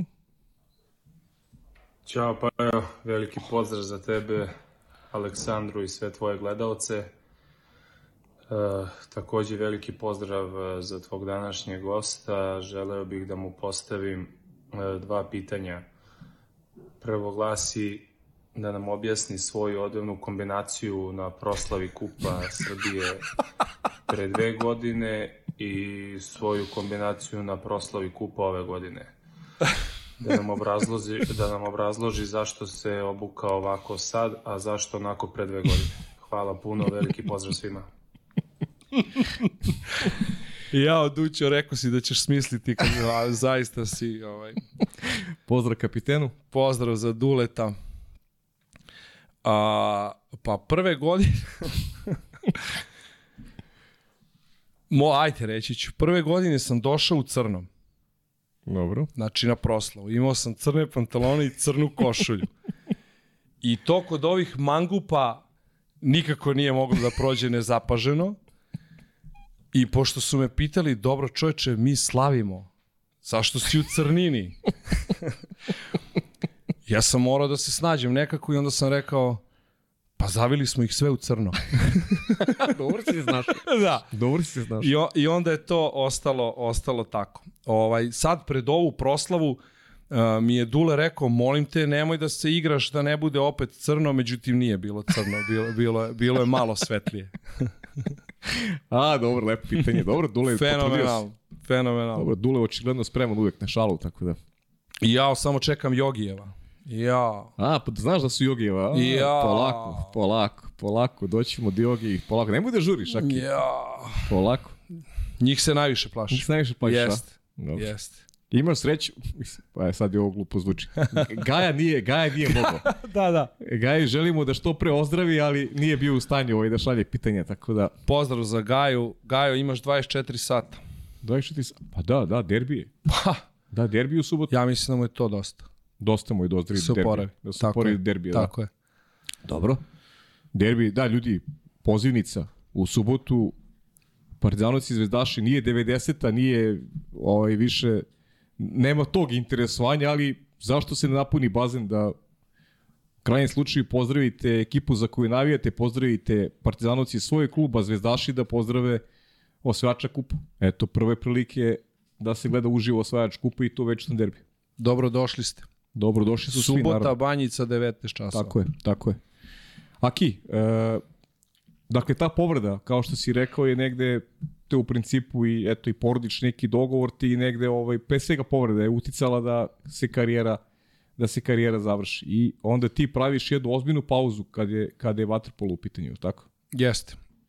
Pa, pošto većina javnosti ne zna baš mnogo ovaj, o meni i ne mogu ni da iščačkaju baš mnogo. Da, što bi rekla naša draga Aleksandra Milošević, nije mogla čak da nađe ništa o tebi. E, ovaj, eto ja ću ovo podeliti sa, sa, sa tobom i sa, i sa svim gledalcima. Znači ja sam posle te povrede, pošto je bila jako teška povreda, znači pritom nije bila u bazenu nego van bazena, Da, dobio si neki udarac. dobio sam udarac posle utakmice malte ne ispred slačionice. I polomljena mi je vilica i polomljena su mi dva zuba, ja sam tu ostao, mene su ušivali, dobio sam transfuziju, jer sam mnogo iskrvario i tako dalje. Nakon izvesnog vremena je meni konstatovan uh, hepatitis. I ja sam apsolutno morao da prekinem svoju karijeru.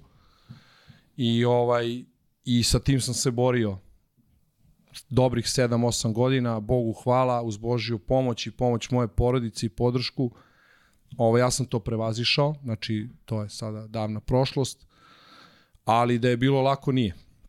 Tako da ovaj iz cele te priče, znači bukvalno sam doživeo potpuni pad iz ne, nečije gluposti. Uh -huh. Apsolutno iz nečije gluposti. Blag izraz neraz, i glupost. neraz, nerazmišljanja i tako trenutne emocije i afekta. Ovaj, ali eto, znači dokazao sam svima da prosto čovek ako ima ako ima viziju, ako želi i ako zaista ima podršku da može da se izdigne iz bukvalno svih situacija životnih. Ako je on čisti, ako ne pravi gluposti. Da, ako je jaka glava, stvarno. Tako je, tako je. Da, ovo baš, baš nisam znao i teška, teška, Pa nije, stvarno da, teška priča. nije, da. nije, mnogo, mnogo ljudi nije znalo, ali eto, mislim, ja sto, stojim i dalje na svojim nogama i to je nešto Jasno. što što prosto je prihvaćeno tako kako jeste, ali, ali kažem, znači, ljudi, gledajte napred, verujte, borite se i doći će sve na svoje mesto. Sjajna poruka.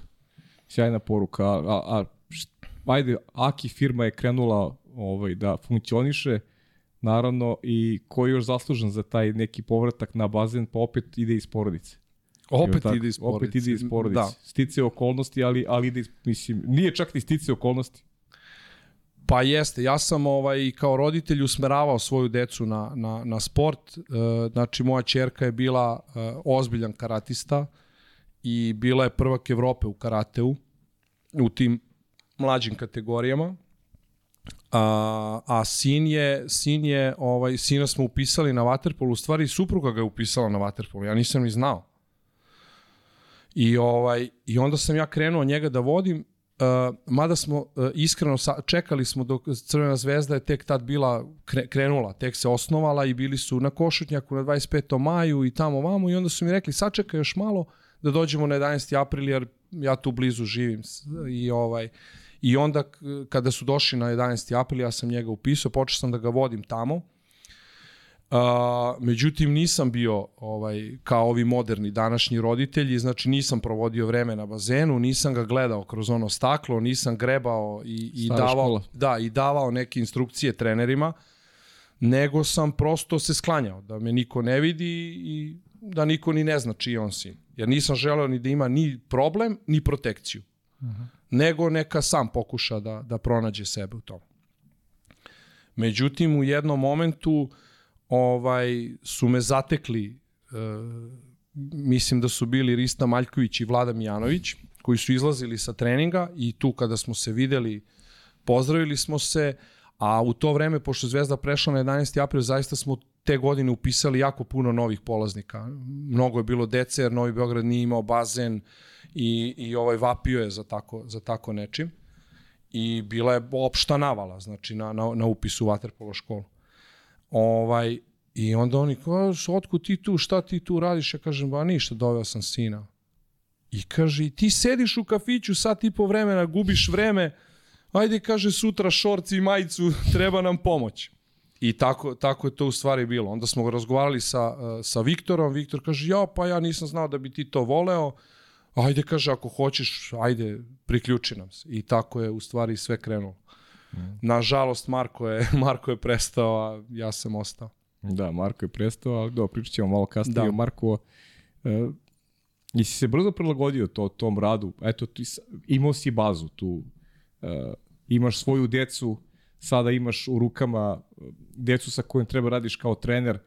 Sigurno ta iz kuće ta neka, da kažem, e, ajde, ono što si, što si naučio sa svojom djecom si mogao da preneseš i, i u rad sa, sa, sa najmlađima na, na bazenu. Sigurno. To ti je pomoglo sigurno mnogo. Sigurno, sigurno. Znači, uh, hteo bih da kažem prvo da u tim najmlađim kategorijama, uh, znači te, te najmanje dece, mislim da je tu poenta uh, da mi nateramo tu decu da zavole taj sport. Znači, to je prva i osnovna uh, zamisao šta treba da uradite. Jer vi posle iz toga možete da kreirate šta god želite. Ali ako vi tu u startu napravite neki odboj, onda, onda ste napravili, napravili loš potez. I hteo sam to, skoro me je neko pitao za moje uspehe i moj najveći uspeh i tako dalje. Znači, por, pored porodice, koja je moj definitivno najveći uspeh u životu, uh, pitali su me za sportski, za uspeh u karijeri. I ja sam im rekao da je moj najveći uspeh, jer sam skoro to analizirao, Znači, od te generacije koja se upisala kod Džaleta i kod mene, Mi smo napravili jednu takmičarsku generaciju koja je bila možda 16, 17, 18 dečaka, 2002. godište i zaista smo počeli odmah da pravimo dobre rezultate. Znači, mi smo bukvalno na, na, na, na prvom takmičenju već bili možda treći u kupu ili tako nešto. Evo, ovo je baš iz Italije. To kad sam te ja džale tero da hodaš. Da. Hvala Džale, to, o, ovo je Džale poslao fotografije i hvala puno na, na saradnji. Eto to. A, ali što sam hteo da kažem, da, da, da, moj najveći uspeh. Znači, od tih 18 dečaka, ja sam prebrojao da danas, oni su svi već sada praktično generacija seniora, oni imaju po 19-20 godina, da ima 14 dečaka koji dalje aktivno igraju vaterpolo. Sjajno. Da li je to Super liga, da li je to prva B liga ili su inostranstvo, ali njih 14 i dalje igra vaterpolo. Ja smatram da je to moj najveći trenerski uspeh. Jer to je poenta. Tako je. To je poenta. Ako Svaka mi čast. nekoga uništimo, upropastimo, povredimo ili napravimo da, da on to ne, ne, ne zavoli u momentu, onda ništa nismo napravili. Moram ti kažem jednu stvar koju ovaj, iz nekog mog okruženja, a, to je reakcija dece.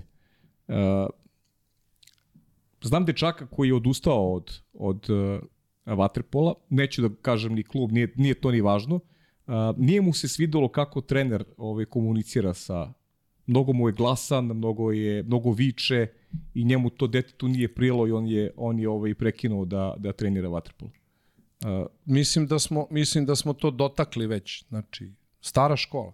Da. Prosto, treneri mlađih kategorija, morate da shvatite da imate decu koja dolaze iz 21. veka. To nisu više ona ista deca. Morate da pokušate da im se prilagodite. Ne da im povlađujete, ali da pokušate da nađete pravi način i pravi odnos sa njim. Maka je rekao jako lepu stvar i, i ovaj, kad je gostovao u podcastu, uh, tiho treba pričati sa decom. Jer će to će brže, da im ostaće im u glavi i taj neki tihi ton njima odgovara više nego, nego povišen ton. A i u tom momentu će biti koncentrisaniji. Tako je. Znači oni će se potruditi da vas čuju i bacit će fokus na to i samim tim će lakše i zapamtiti to što ste rekli. Si u kontaktu sa ovim momcima? Pa Ne uglavnom moramo, da, ne moramo da, da ih nabrajamo da, sada sve. ugla, Ali, uglavnom ali da. da, Pa kažem, većina njih igra ili Super ligu ili prvu B ligu, tako da ili prvu A, izvinjavam prvu se, A ligu, prvu da. A ligu. Ima ih i u prvoj B, ali viđam ih, viđam ih stalno na bazenu. Kada je došao taj prelaz iz, iz uh, tog, ajde da kažem, juniorskog staža u seniorski? Kada si debitovao kao, kao prvi trener? I, i generalno kada si imao prva taj iskustva rada sa, sa prvim timom Crvene zvezde? Pa uh, ja sam ovaj radio nekoliko godina sa mlađim kategorijama gde su oni rasli, napredovali i ja sam rastao, ja sam učio od njih, oni su učili od mene. Prosto ta neka interakcija mora da postoji i zaista ko kaže da nema šta da nauči, to je velika greška. Mnogo možete da naučite. I od te dece, i od tih starijih igrača, i od svih možete da naučite. A, u početku mi je, moram i njega da spomenem, mnogo mi je pomogao Saša Anastasijević koji je u tom momentu bio a, koordinator za mlađe kategorije a, sa kojim sam puno razgovarao i puno vremena provodio sa njim i, i on mi je pomogao prosto jer i, i sam Waterpolo se za tih 7-8 godina koliko ja nisam bio tu promenio i prosto dao mi je neke smernice u kom pracu treba da razmišljam, pokazao mi je neke elemente o kojima treba da, da, da obratim pažnju I to je odmah urodilo plodom. I prosto, znači, vi kad sa tom decom uradite tri elementa i usavršite tri elementa, vi ćete vidjeti drastičnu razliku u rezultatu ekipe u odnosu na pre, prethodni. I mi smo stvarno počeli jako brzo da napredujemo kao, kao ekipa. I ovaj, po, po, postavili smo neke, neke kriterijume kako treba da se radi i šta treba da se radi ovaj, što u suštini nije, nije ostalo nezapaženo. Znači ja sam već posle nekih prvih tih pionirskih i kadetskih turnira imao ljude iz sveta Waterpola koji su mi prilazili uh, i rekli čoveče šta ti radiš s njima, ovo nije normalno, pogled, oni su kao jedan, kao vojska, svi se zagrevaju, svi sto, znači o, primetilo se to. Međutim, ovaj, ja zbog tog mog posla koji sam radio, nisam, svi, svi smo mislili da ja nemam lufta da mogu da se malo ozbiljnije tome posvetim, pogotovo tadašnji predsednik, uh, sadašnji predsednik Saveza, tada predsednik Zvezde, uh, Viktor Jelenić, koji je ovaj prosto nismo ni znali da ja možda mogu da dolazim jer prosto prva ekipa iziskuje mnogo više vremena i truda i rada i putovanja i svašta. E onda se desilo da ovaj te sezone je uh, Rista uh, vodio ekipu, on je završio saradnju sa Zvezdom. Postavljen je uh, Aleksandar Nikolić koji mu je bio pomoćnik na tom finalu sa sa Partizanom gore. I ovaj I onda smo seli Viktor i ja i on je rekao, a šta ti misliš da ti kao malo probaš? Da uskladiš to vreme i ovo vreme. Ja sam rekao, mogu, ali ne mogu na mestu prvog trenera. Ajde, daj mi prvo da budem pomoćnik, da prosto vidim kako to sve funkcioniše, da li imam vremena ili ne. I, ovaj, I tako sam krenuo. Znači, počeo sam kao pomoćnik da radim sa Acom Nikolićem, jedna baš još, još teška sezona. Te sezone smo igrali u Zrenjaninu, znači praktično sa domaći teren smo putovali kao da idemo ne znam gde. Znači, dešavala nam se situacija da igramo Jadransku ligu i dolazimo, dolazimo u Zrenjanin, a protivnička ekipa tu dva dana. I sad ispada kao da smo mi gosti, da. oni domaćini. Mislim, jedna baš teška situacija, ali eto, iz toga smo isplivali. Ovaj, I dešava se to da sam ja ovaj praktično svo to vreme uspeo da uspevao da uskladim jedne i druge obaveze i na polusezoni ovaj dolazi do razilaženja Ace Nikolića sa, sa upravom kluba gde me Viktor pita da li sam spreman. A to pitanje da li sam spreman je, mislim da je i Uroš objašnjavao nekoliko da, puta, da, da. moj kolega, pozdravljam ga, ako gleda, ovaj, koliko u stvari to nezahvalno pitanje. Znači, šta znači da li si spreman? Ako kažeš nisam, nikad nećeš ni biti. Tako je. A ako kaže, znači, prosto nameće se da moraš da kažeš da jesi. Yes, yes. Ako, ako znaš šta radiš i ako si, imaš svoj put, onda prosto si spreman. I, ovaj, i tako sam prvi put postao uh, trener prve ekipe, odradili smo tu sezonu do kraja. Isto tako, bio je dobar rezultat, mislim da smo se s Partizanom borili E, izgubili smo od Partizana na, na, na Banjici jedan razlike, trebali smo da ih dobijemo u Zrenjaninu dva. I imali smo taj rezultat, ali nismo uspeli na kraju, tako da smo ostali, ostali drugoplasirani. Sledeće sezone mislim da se Deki vraća, pošto je Deki završio olimpijadu, vraća se Deki, ja ostajem kao njegov pomoćnik i I tako onda, sad baš ne mogu, stvarno je bilo puno promena, mm ne mogu baš svaki da se setim jest, okay, okay, da. ovaj, po, po vremenu i datumu, ali tako je počelo. Da, imaćemo još, ima tu neko pitanje Aleksandra, nešto izlačila, to ćemo sad u, u sklopu ovih pitanja gledalaca. Uh, Daki, di smo rekli, ti si u ono vreme u Beogradu ti si bio prvi strelac. Tada je ekip, na kojoj si poziciji igrao? Uh, ja sam bio brzo krilo. Brzo krilo. brzo krilo. Brzo krilo. Da, je, pošto sam stvarno dobro plivao, to mi je bio, ja nisam bio fizički mnogo, mnogo jak i nisam imao neki šut, ne znam ja šta. Uh, tako da 99% gola u životu koje sam dao, dao sam iz kontre. Znači prosto imao sam taj dobar tajming i brzo sam plivao Tako da ovaj igrao sam kad sam ušao u prvi tim tu nije bilo koje igraš poziciju. Igraš šta ti se zapadne. znači gde je rupa tu zatvaraš. Ali kasnije kada sam kao malo porasto i kad sam mogao da biram, igrao sam uglavnom levu stranu, levo krilo. Pomogao si svoje vremeno da ovaj jedan kasnije veliki igrač ovaj možda postane vaterpolista, ovo ćemo pričamo o tome, a? Pa možemo. Ajde. Možemo. Znači, sa, sa, sad sam vaš, uhvatili smo se i, i sad da, svemu, da, da, i idemo. Idemo, da. Ovaj, pa jeste, ja sam ovaj, odrastao u bloku 37, to sam već spomenuo malo pre, koji je jako blizu bazena 11. april.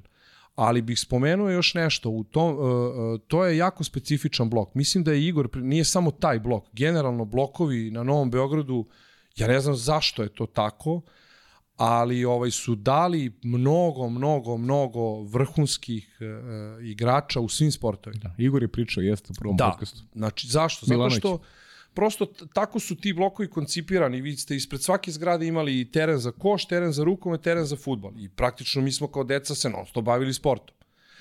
A, a kod mene u, u, u našem kraju su živeli Goran Rađenović i, uh, i, i, i, i, i o Bože, seci.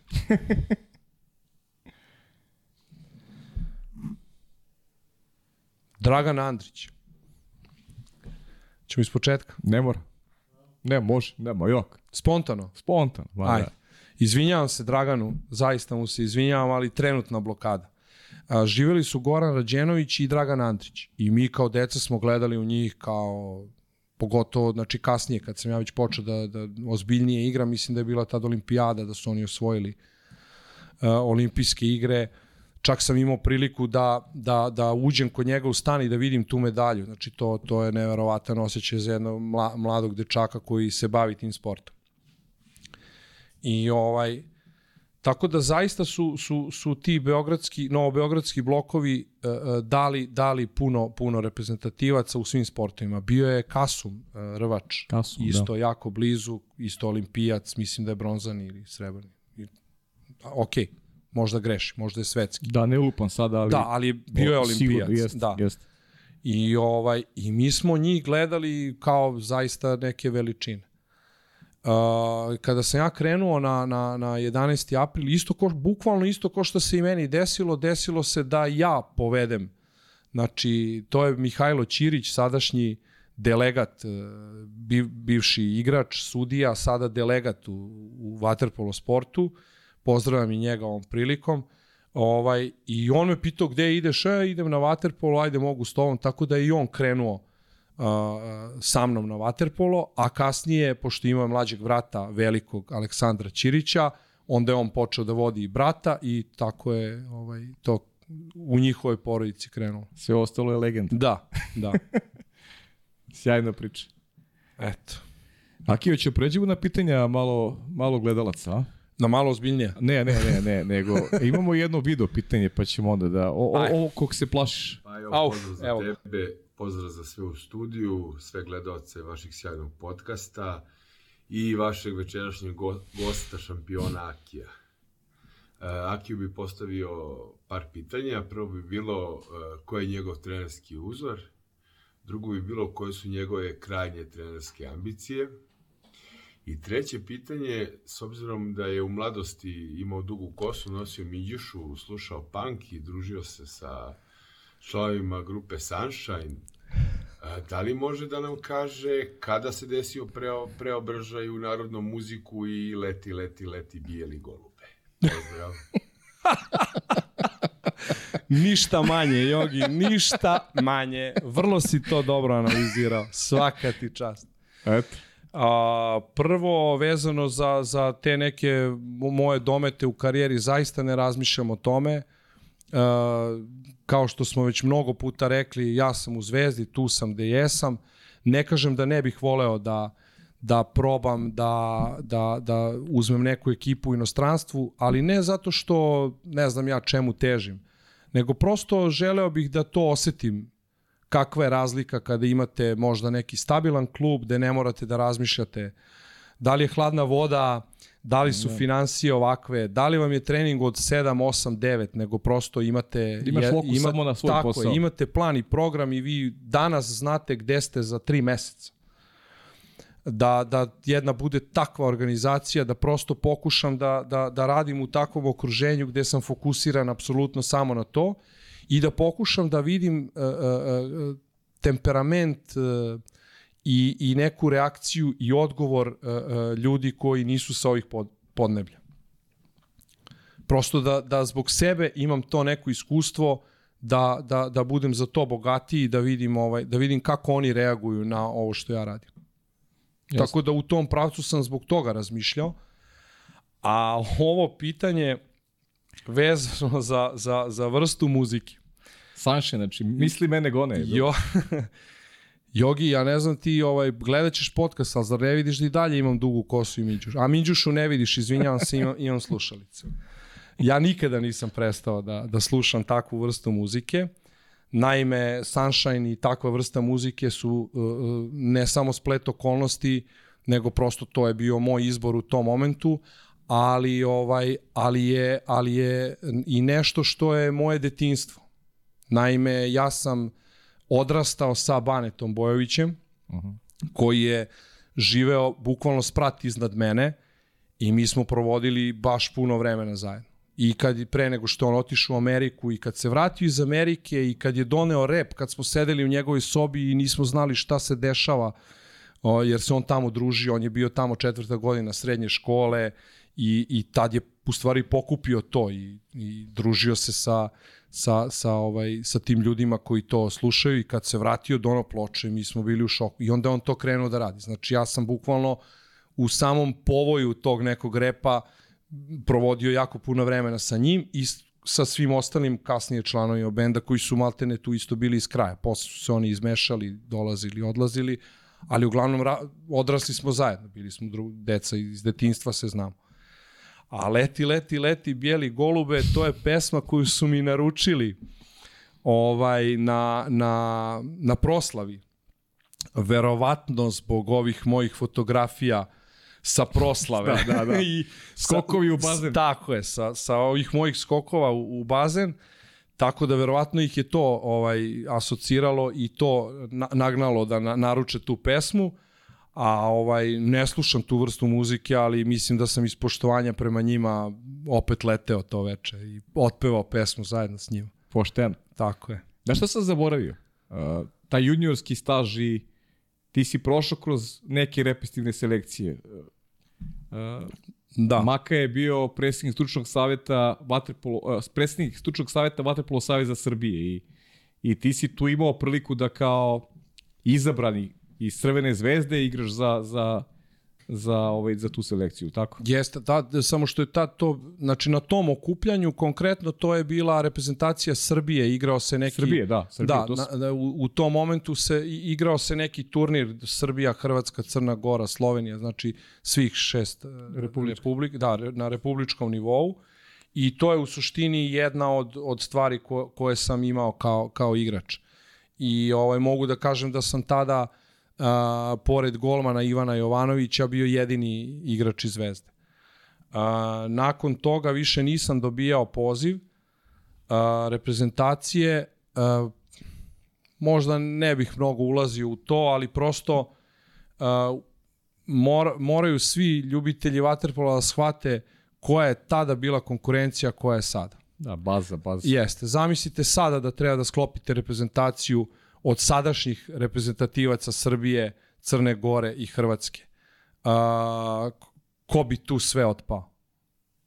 Znači, tako da, da je bilo, bilo baš, baš teško tada ući u, u, u to, ali eto, ja ne, mislim, ne žalim za tim. Ja sam imao le, lepu klubsku karijeru. Znači, sve što sam trebao da preživim i da proživim, osim te titule ko, koja mi je ostala kao žal, sve ostalo sam prošao kao igrač. Tako da... A trenerski uzor, nisi govorio, mislim da je to A, možda trener, Nikolino trenerski uzor.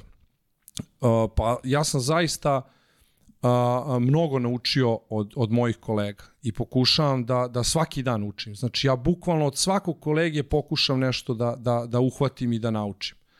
Uh, sigurno da je Dejan Savić osoba koja, ko, u kojoj imam najviše poverenja, osoba sa kojim sam možda u ovom seniorskom uh, a, u ovoj seniorskoj kategoriji najviše i radio.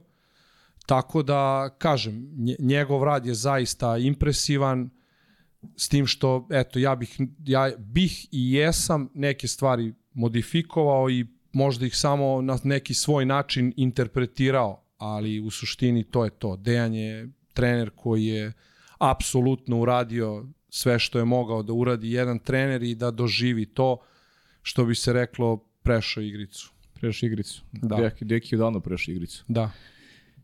Moj veliki pozdrav za Dejana i hvala mu za svaki sekund koji je proveo sam. Mislim, provešće ga i dalje, ali mislim... Provešće ga i da, dalje, da. Za, za sad, do sad. Čekamo da imamo šta je Deki sledeći potez.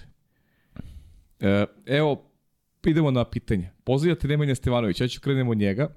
E, kaže, veliki pozdrav i za tebe i za nas. Kaže, imao, imao bi pitanje za gosta. Pošto je veliki taktičar u igri i dosta pažnje polože na sve aspekte utakmici, što je već pokazao u finalu kupa kada na 3-7 za Novi Beograd uzeo time out, a zatim je Zvezda prekrenula rezultat u svojoj korist, serijom 5-0 osvojila trofej. Da li možda nam kaže po njegovom mišljenju šta je to prelobilo polufinale i finale kupa?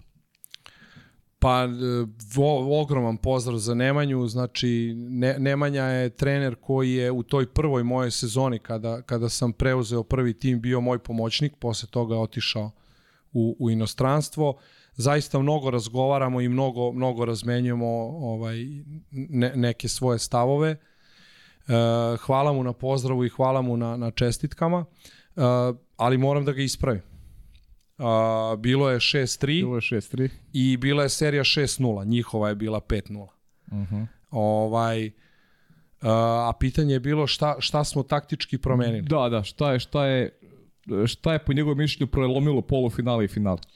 Pa prosto na, na tom timeoutu uh, uh, ne, možda smo i razgovarali o tome, sad se više Jesmo, i ne sećam. malo smo i razgovarali, da. Jesmo, Da, malo pa- više u stvari, pa- ali, ali eto, ako imaš Pa, neki... pa prosto, pa prosto ovaj, oni, oni su krenuli sa tom M zonom koju smo mi očekivali i zaista smo je vežbali i trenirali. Uh, ka, kako da je razbijemo. Ali taj trenutni šok je bio takav da mi to nismo sproveli u delo. Znači, moje je bilo samo da ih usmerim i da ih podsjetim na to šta smo vežbali i šta treba da radimo. I da to što primamo golove treba se fokusiramo da napadnemo, a ne samo da se branimo. Uh -huh.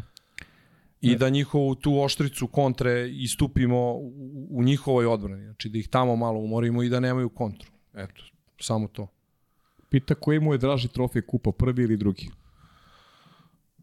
Uh, pa i to sam rekao, onaj mi je emotivno ovaj bitan zato što je prvi i zato što je došao posle zaista toliko godina moje želje da sa Crvenom zvezdom osvojim neki trofej u seniorskoj konkurenciji, jer samo kao juniori smo osvajali i kao trener i kao igrač, ali u toj seniorskoj nisam, on mi je emotivno draži, a ovaj mi je trenerski draži zato što smo zaista dobili takve, takve dve ekipe kao što su radnički i ovaj i Novi Beograd sa dva takva stratega kao što su Uroš i, i Žile. Znači to to ima jednu drugu težinu. Pošto znamo da je dete Crvene zvezde veliki zvezdaš, da li bi ikada prešao da bude trener večitog rivala i zašto nikada?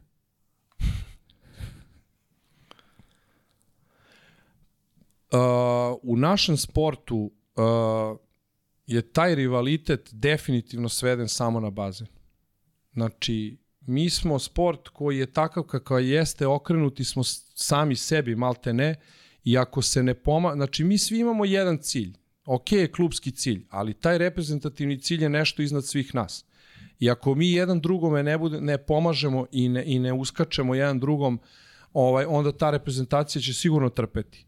Tako da kod nas taj rivalitet postoji, ali, ali u bazenu ne postoji zla krv. Znači mi sarađujemo, mi isto razgovaramo. Naravno. Zašto? Zato što mali broj nas, odnosno trenera je i tu i selektor, znači oni moraju da razgovaraju sa, ko, konkretno Miloš Koroli je selektor, on ima moje igrače kod sebe u selekciji, znači ja moram da razgovaram sa njim kako da unapredimo da sve to bude bolje i šta treba taj igrač da radi da bi sutra u reprezentaciji dao svoj maksimum. Tako da mi zaista fantastično sarađujemo, ovaj, ali, ali to kao trener, ne kažem da ne bih nikada, ali ne bih nikada. Ne bih nikada. pošten, pošten.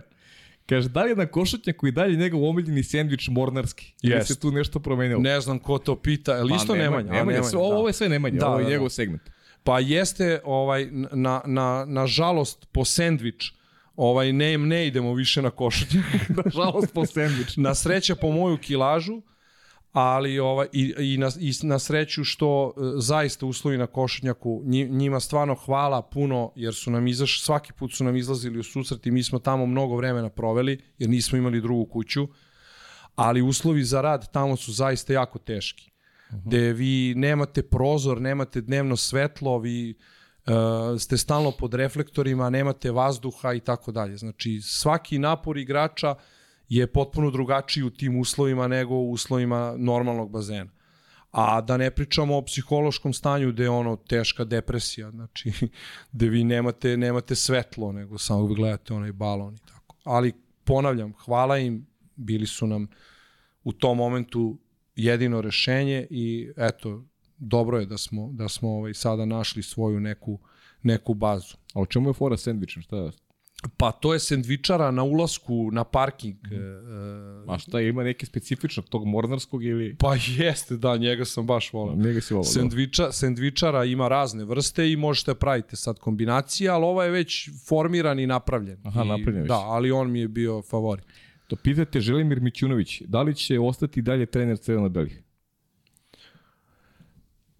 E, to smo isto dotakli. Ja sam čovjek koji je u ovom momentu zvezdin i ako se poklope kocke, ako to bude interes i zvezde i uprave i mene, sigurno će tako ostati.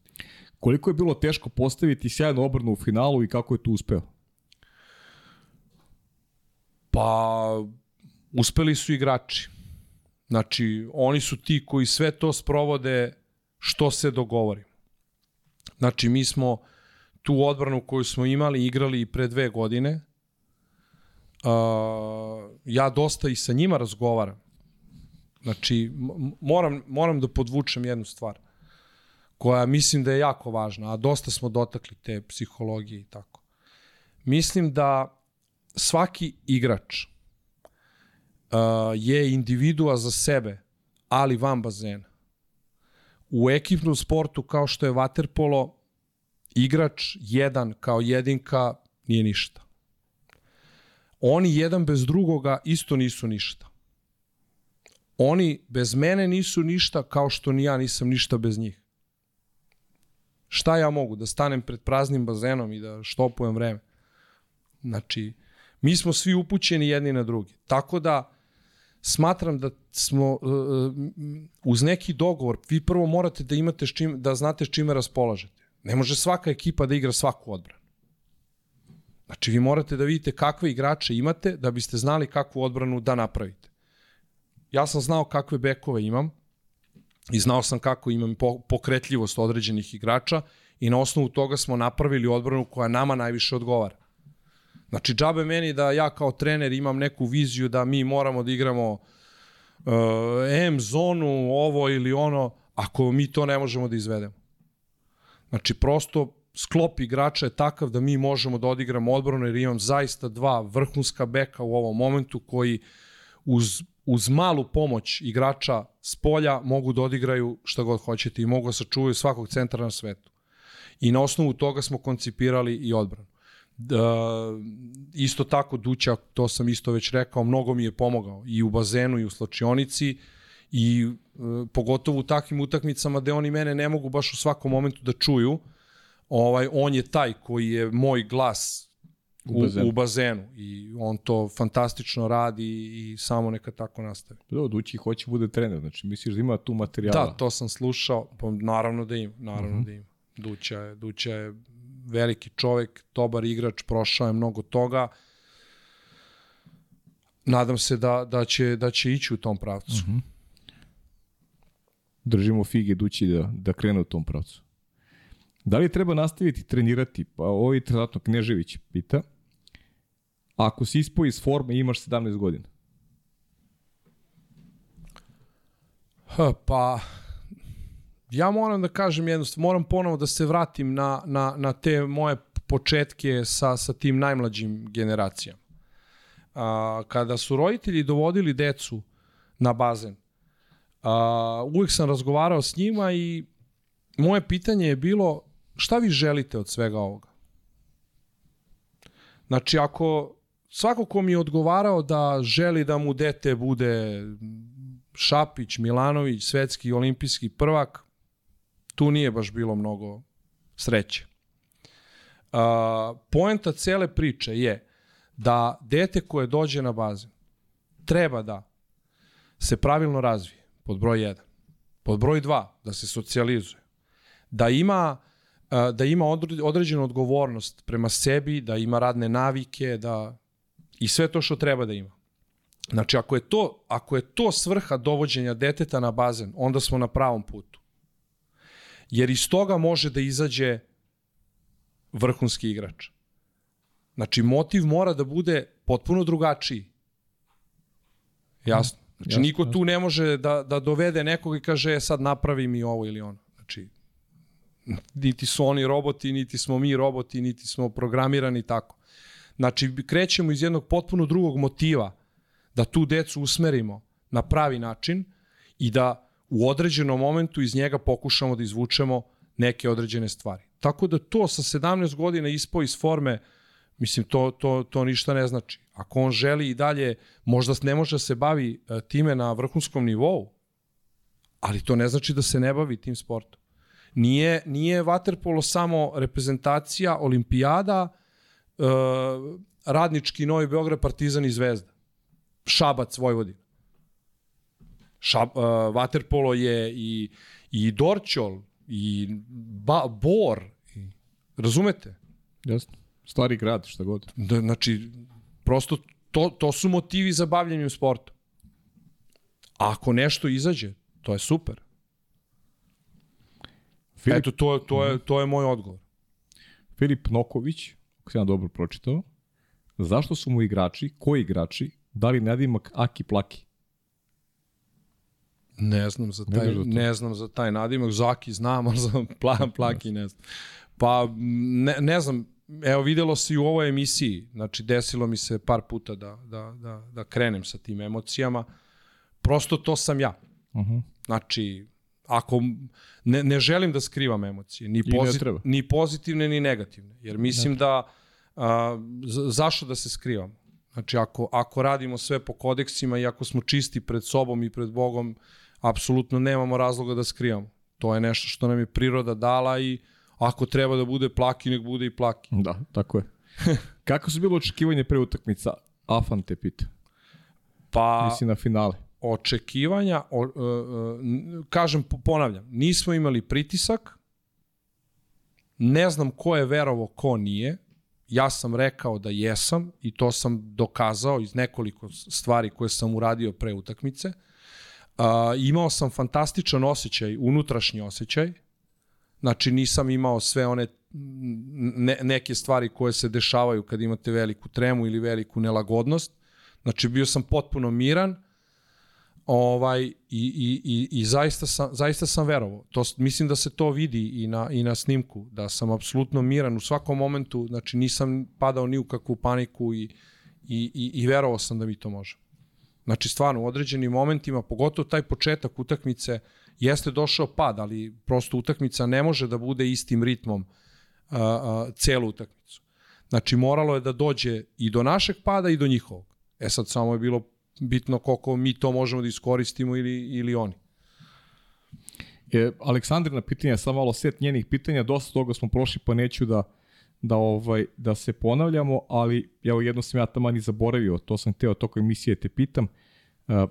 Kaže, kada bi se sva uskakanja sabrala, pitanje je koliko bi to bilo sezona, rezultati su tu oni mnogo govore. Dakle, 2019. godine Zvezda izgubila finale prvenstva Šapca, osvojen je kup Srbije protiv Radničkog, u Len kupu se stiglo do polufinala, prošle sezone su nečekani ušli Lige šampiona i sada ponovo osvojili kup. Pa u čemu je tajna rada Aleksandra Filipovića?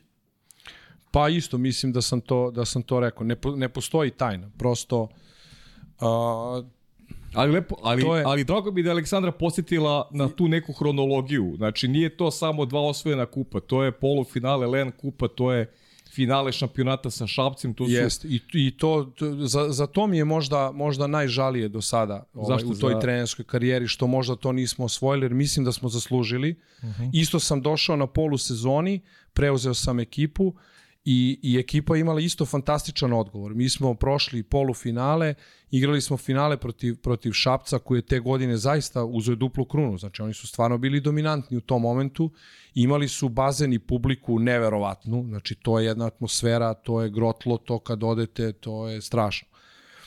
Prvu smo izgubili, ta, pošto oni bili prvoplasirani, prvu smo izgubili, drugu smo dobili kod kuće i išli smo na, na, na tu treću, gde, gde smo ovaj, isto verovali da može i zaista smo fenomenalno počeli. Ja mislim da smo mi imali dva ili tri razlike u jednom momentu kada je došlo do prekida utakmice.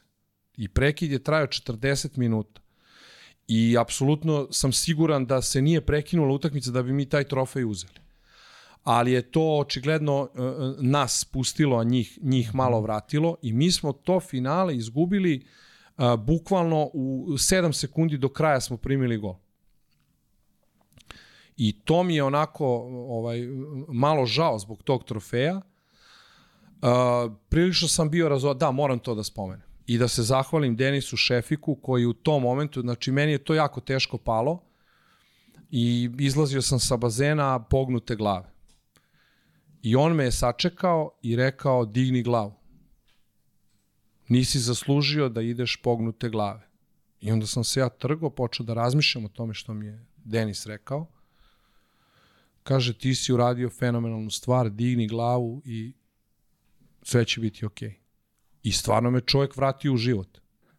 Da, lepo. Zaista me vratio u život. I hvala mu na tome. On to zna, ja sam mu to rekao nekoliko puta, jer prosto možda da sam krenuo u tom pravcu, možda bi odustao. Ali eto, mislim, njegove reči su mi baš značile u tom momentu i eto, nastavio sam tu gde jesam.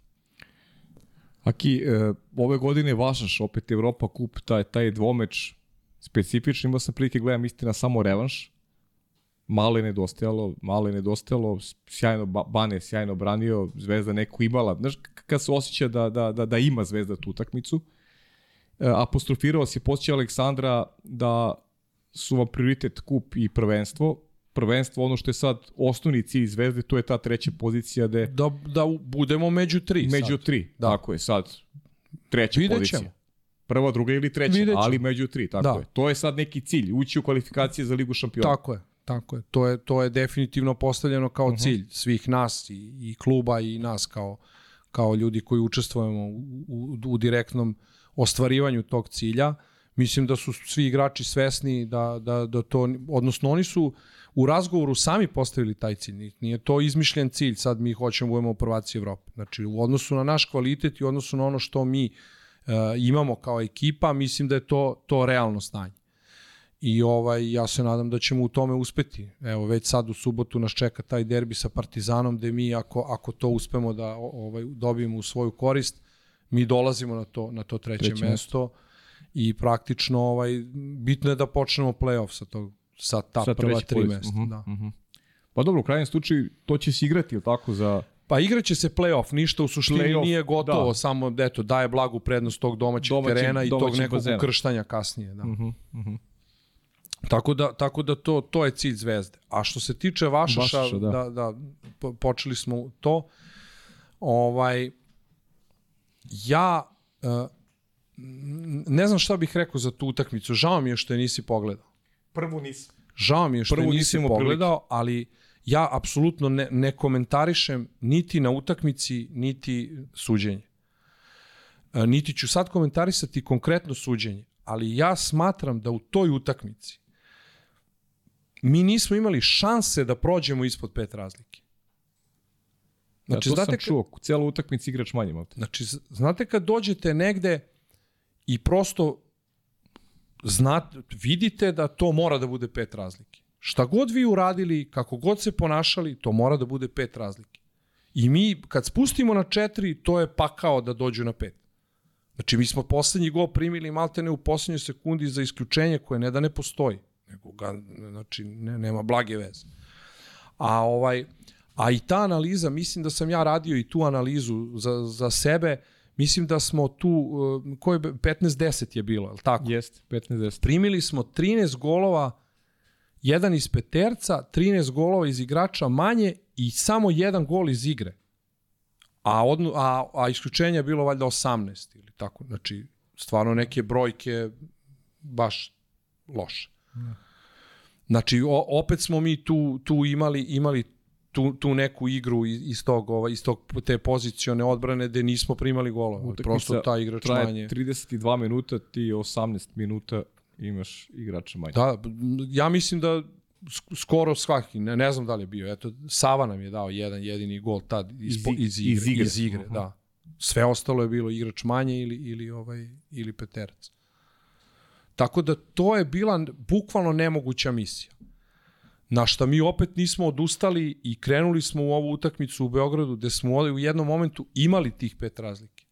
Mislim da je bilo bilo 10-5 ili 9-4 ili tako nešto. Bio, u jednom momentu, u jednom bilo, momentu da. smo mi imali bilo, taj da. rezultat, ali eto, nažalost, uh, oni su zaista odlična ekipa, ne, ne možete vi da, da sad kao jurimo pet razlike, pa Pa ne, ja sam rekao, oni su, oni su ekipa koja je pravljena za ligu šampiona, očigledno. A ovde su sada najveći favoriti do. Sigurno, sigurno.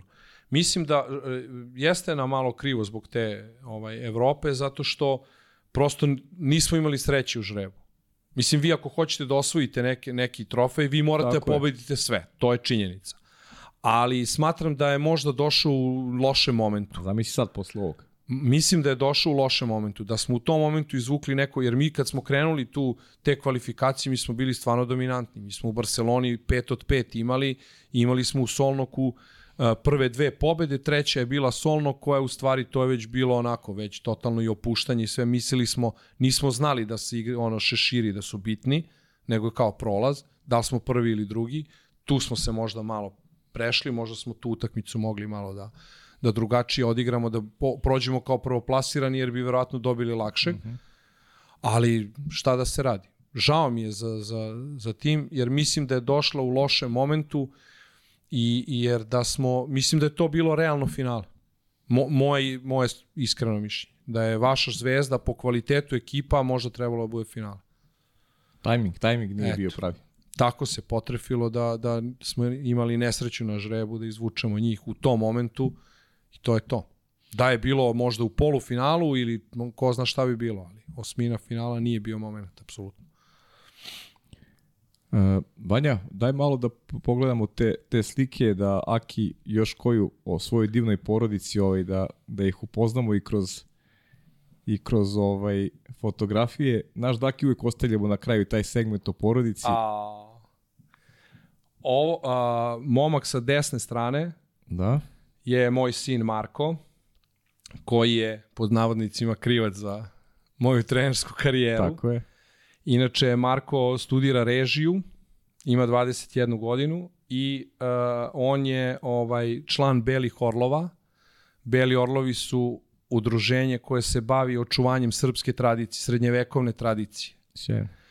I to su zaista sjajni momci, vaspitani, možete da zamislite kako kad nekog vaspitavate u, u tom duhu, znači zaista su fenomenalni i mnogo mi je drago što, što je našao sebe tu, što je u kvalitetnom društvu i što, i što ovaj, tu, tu ima, ima neku potporu i Potporu, podršku. Da, da, da.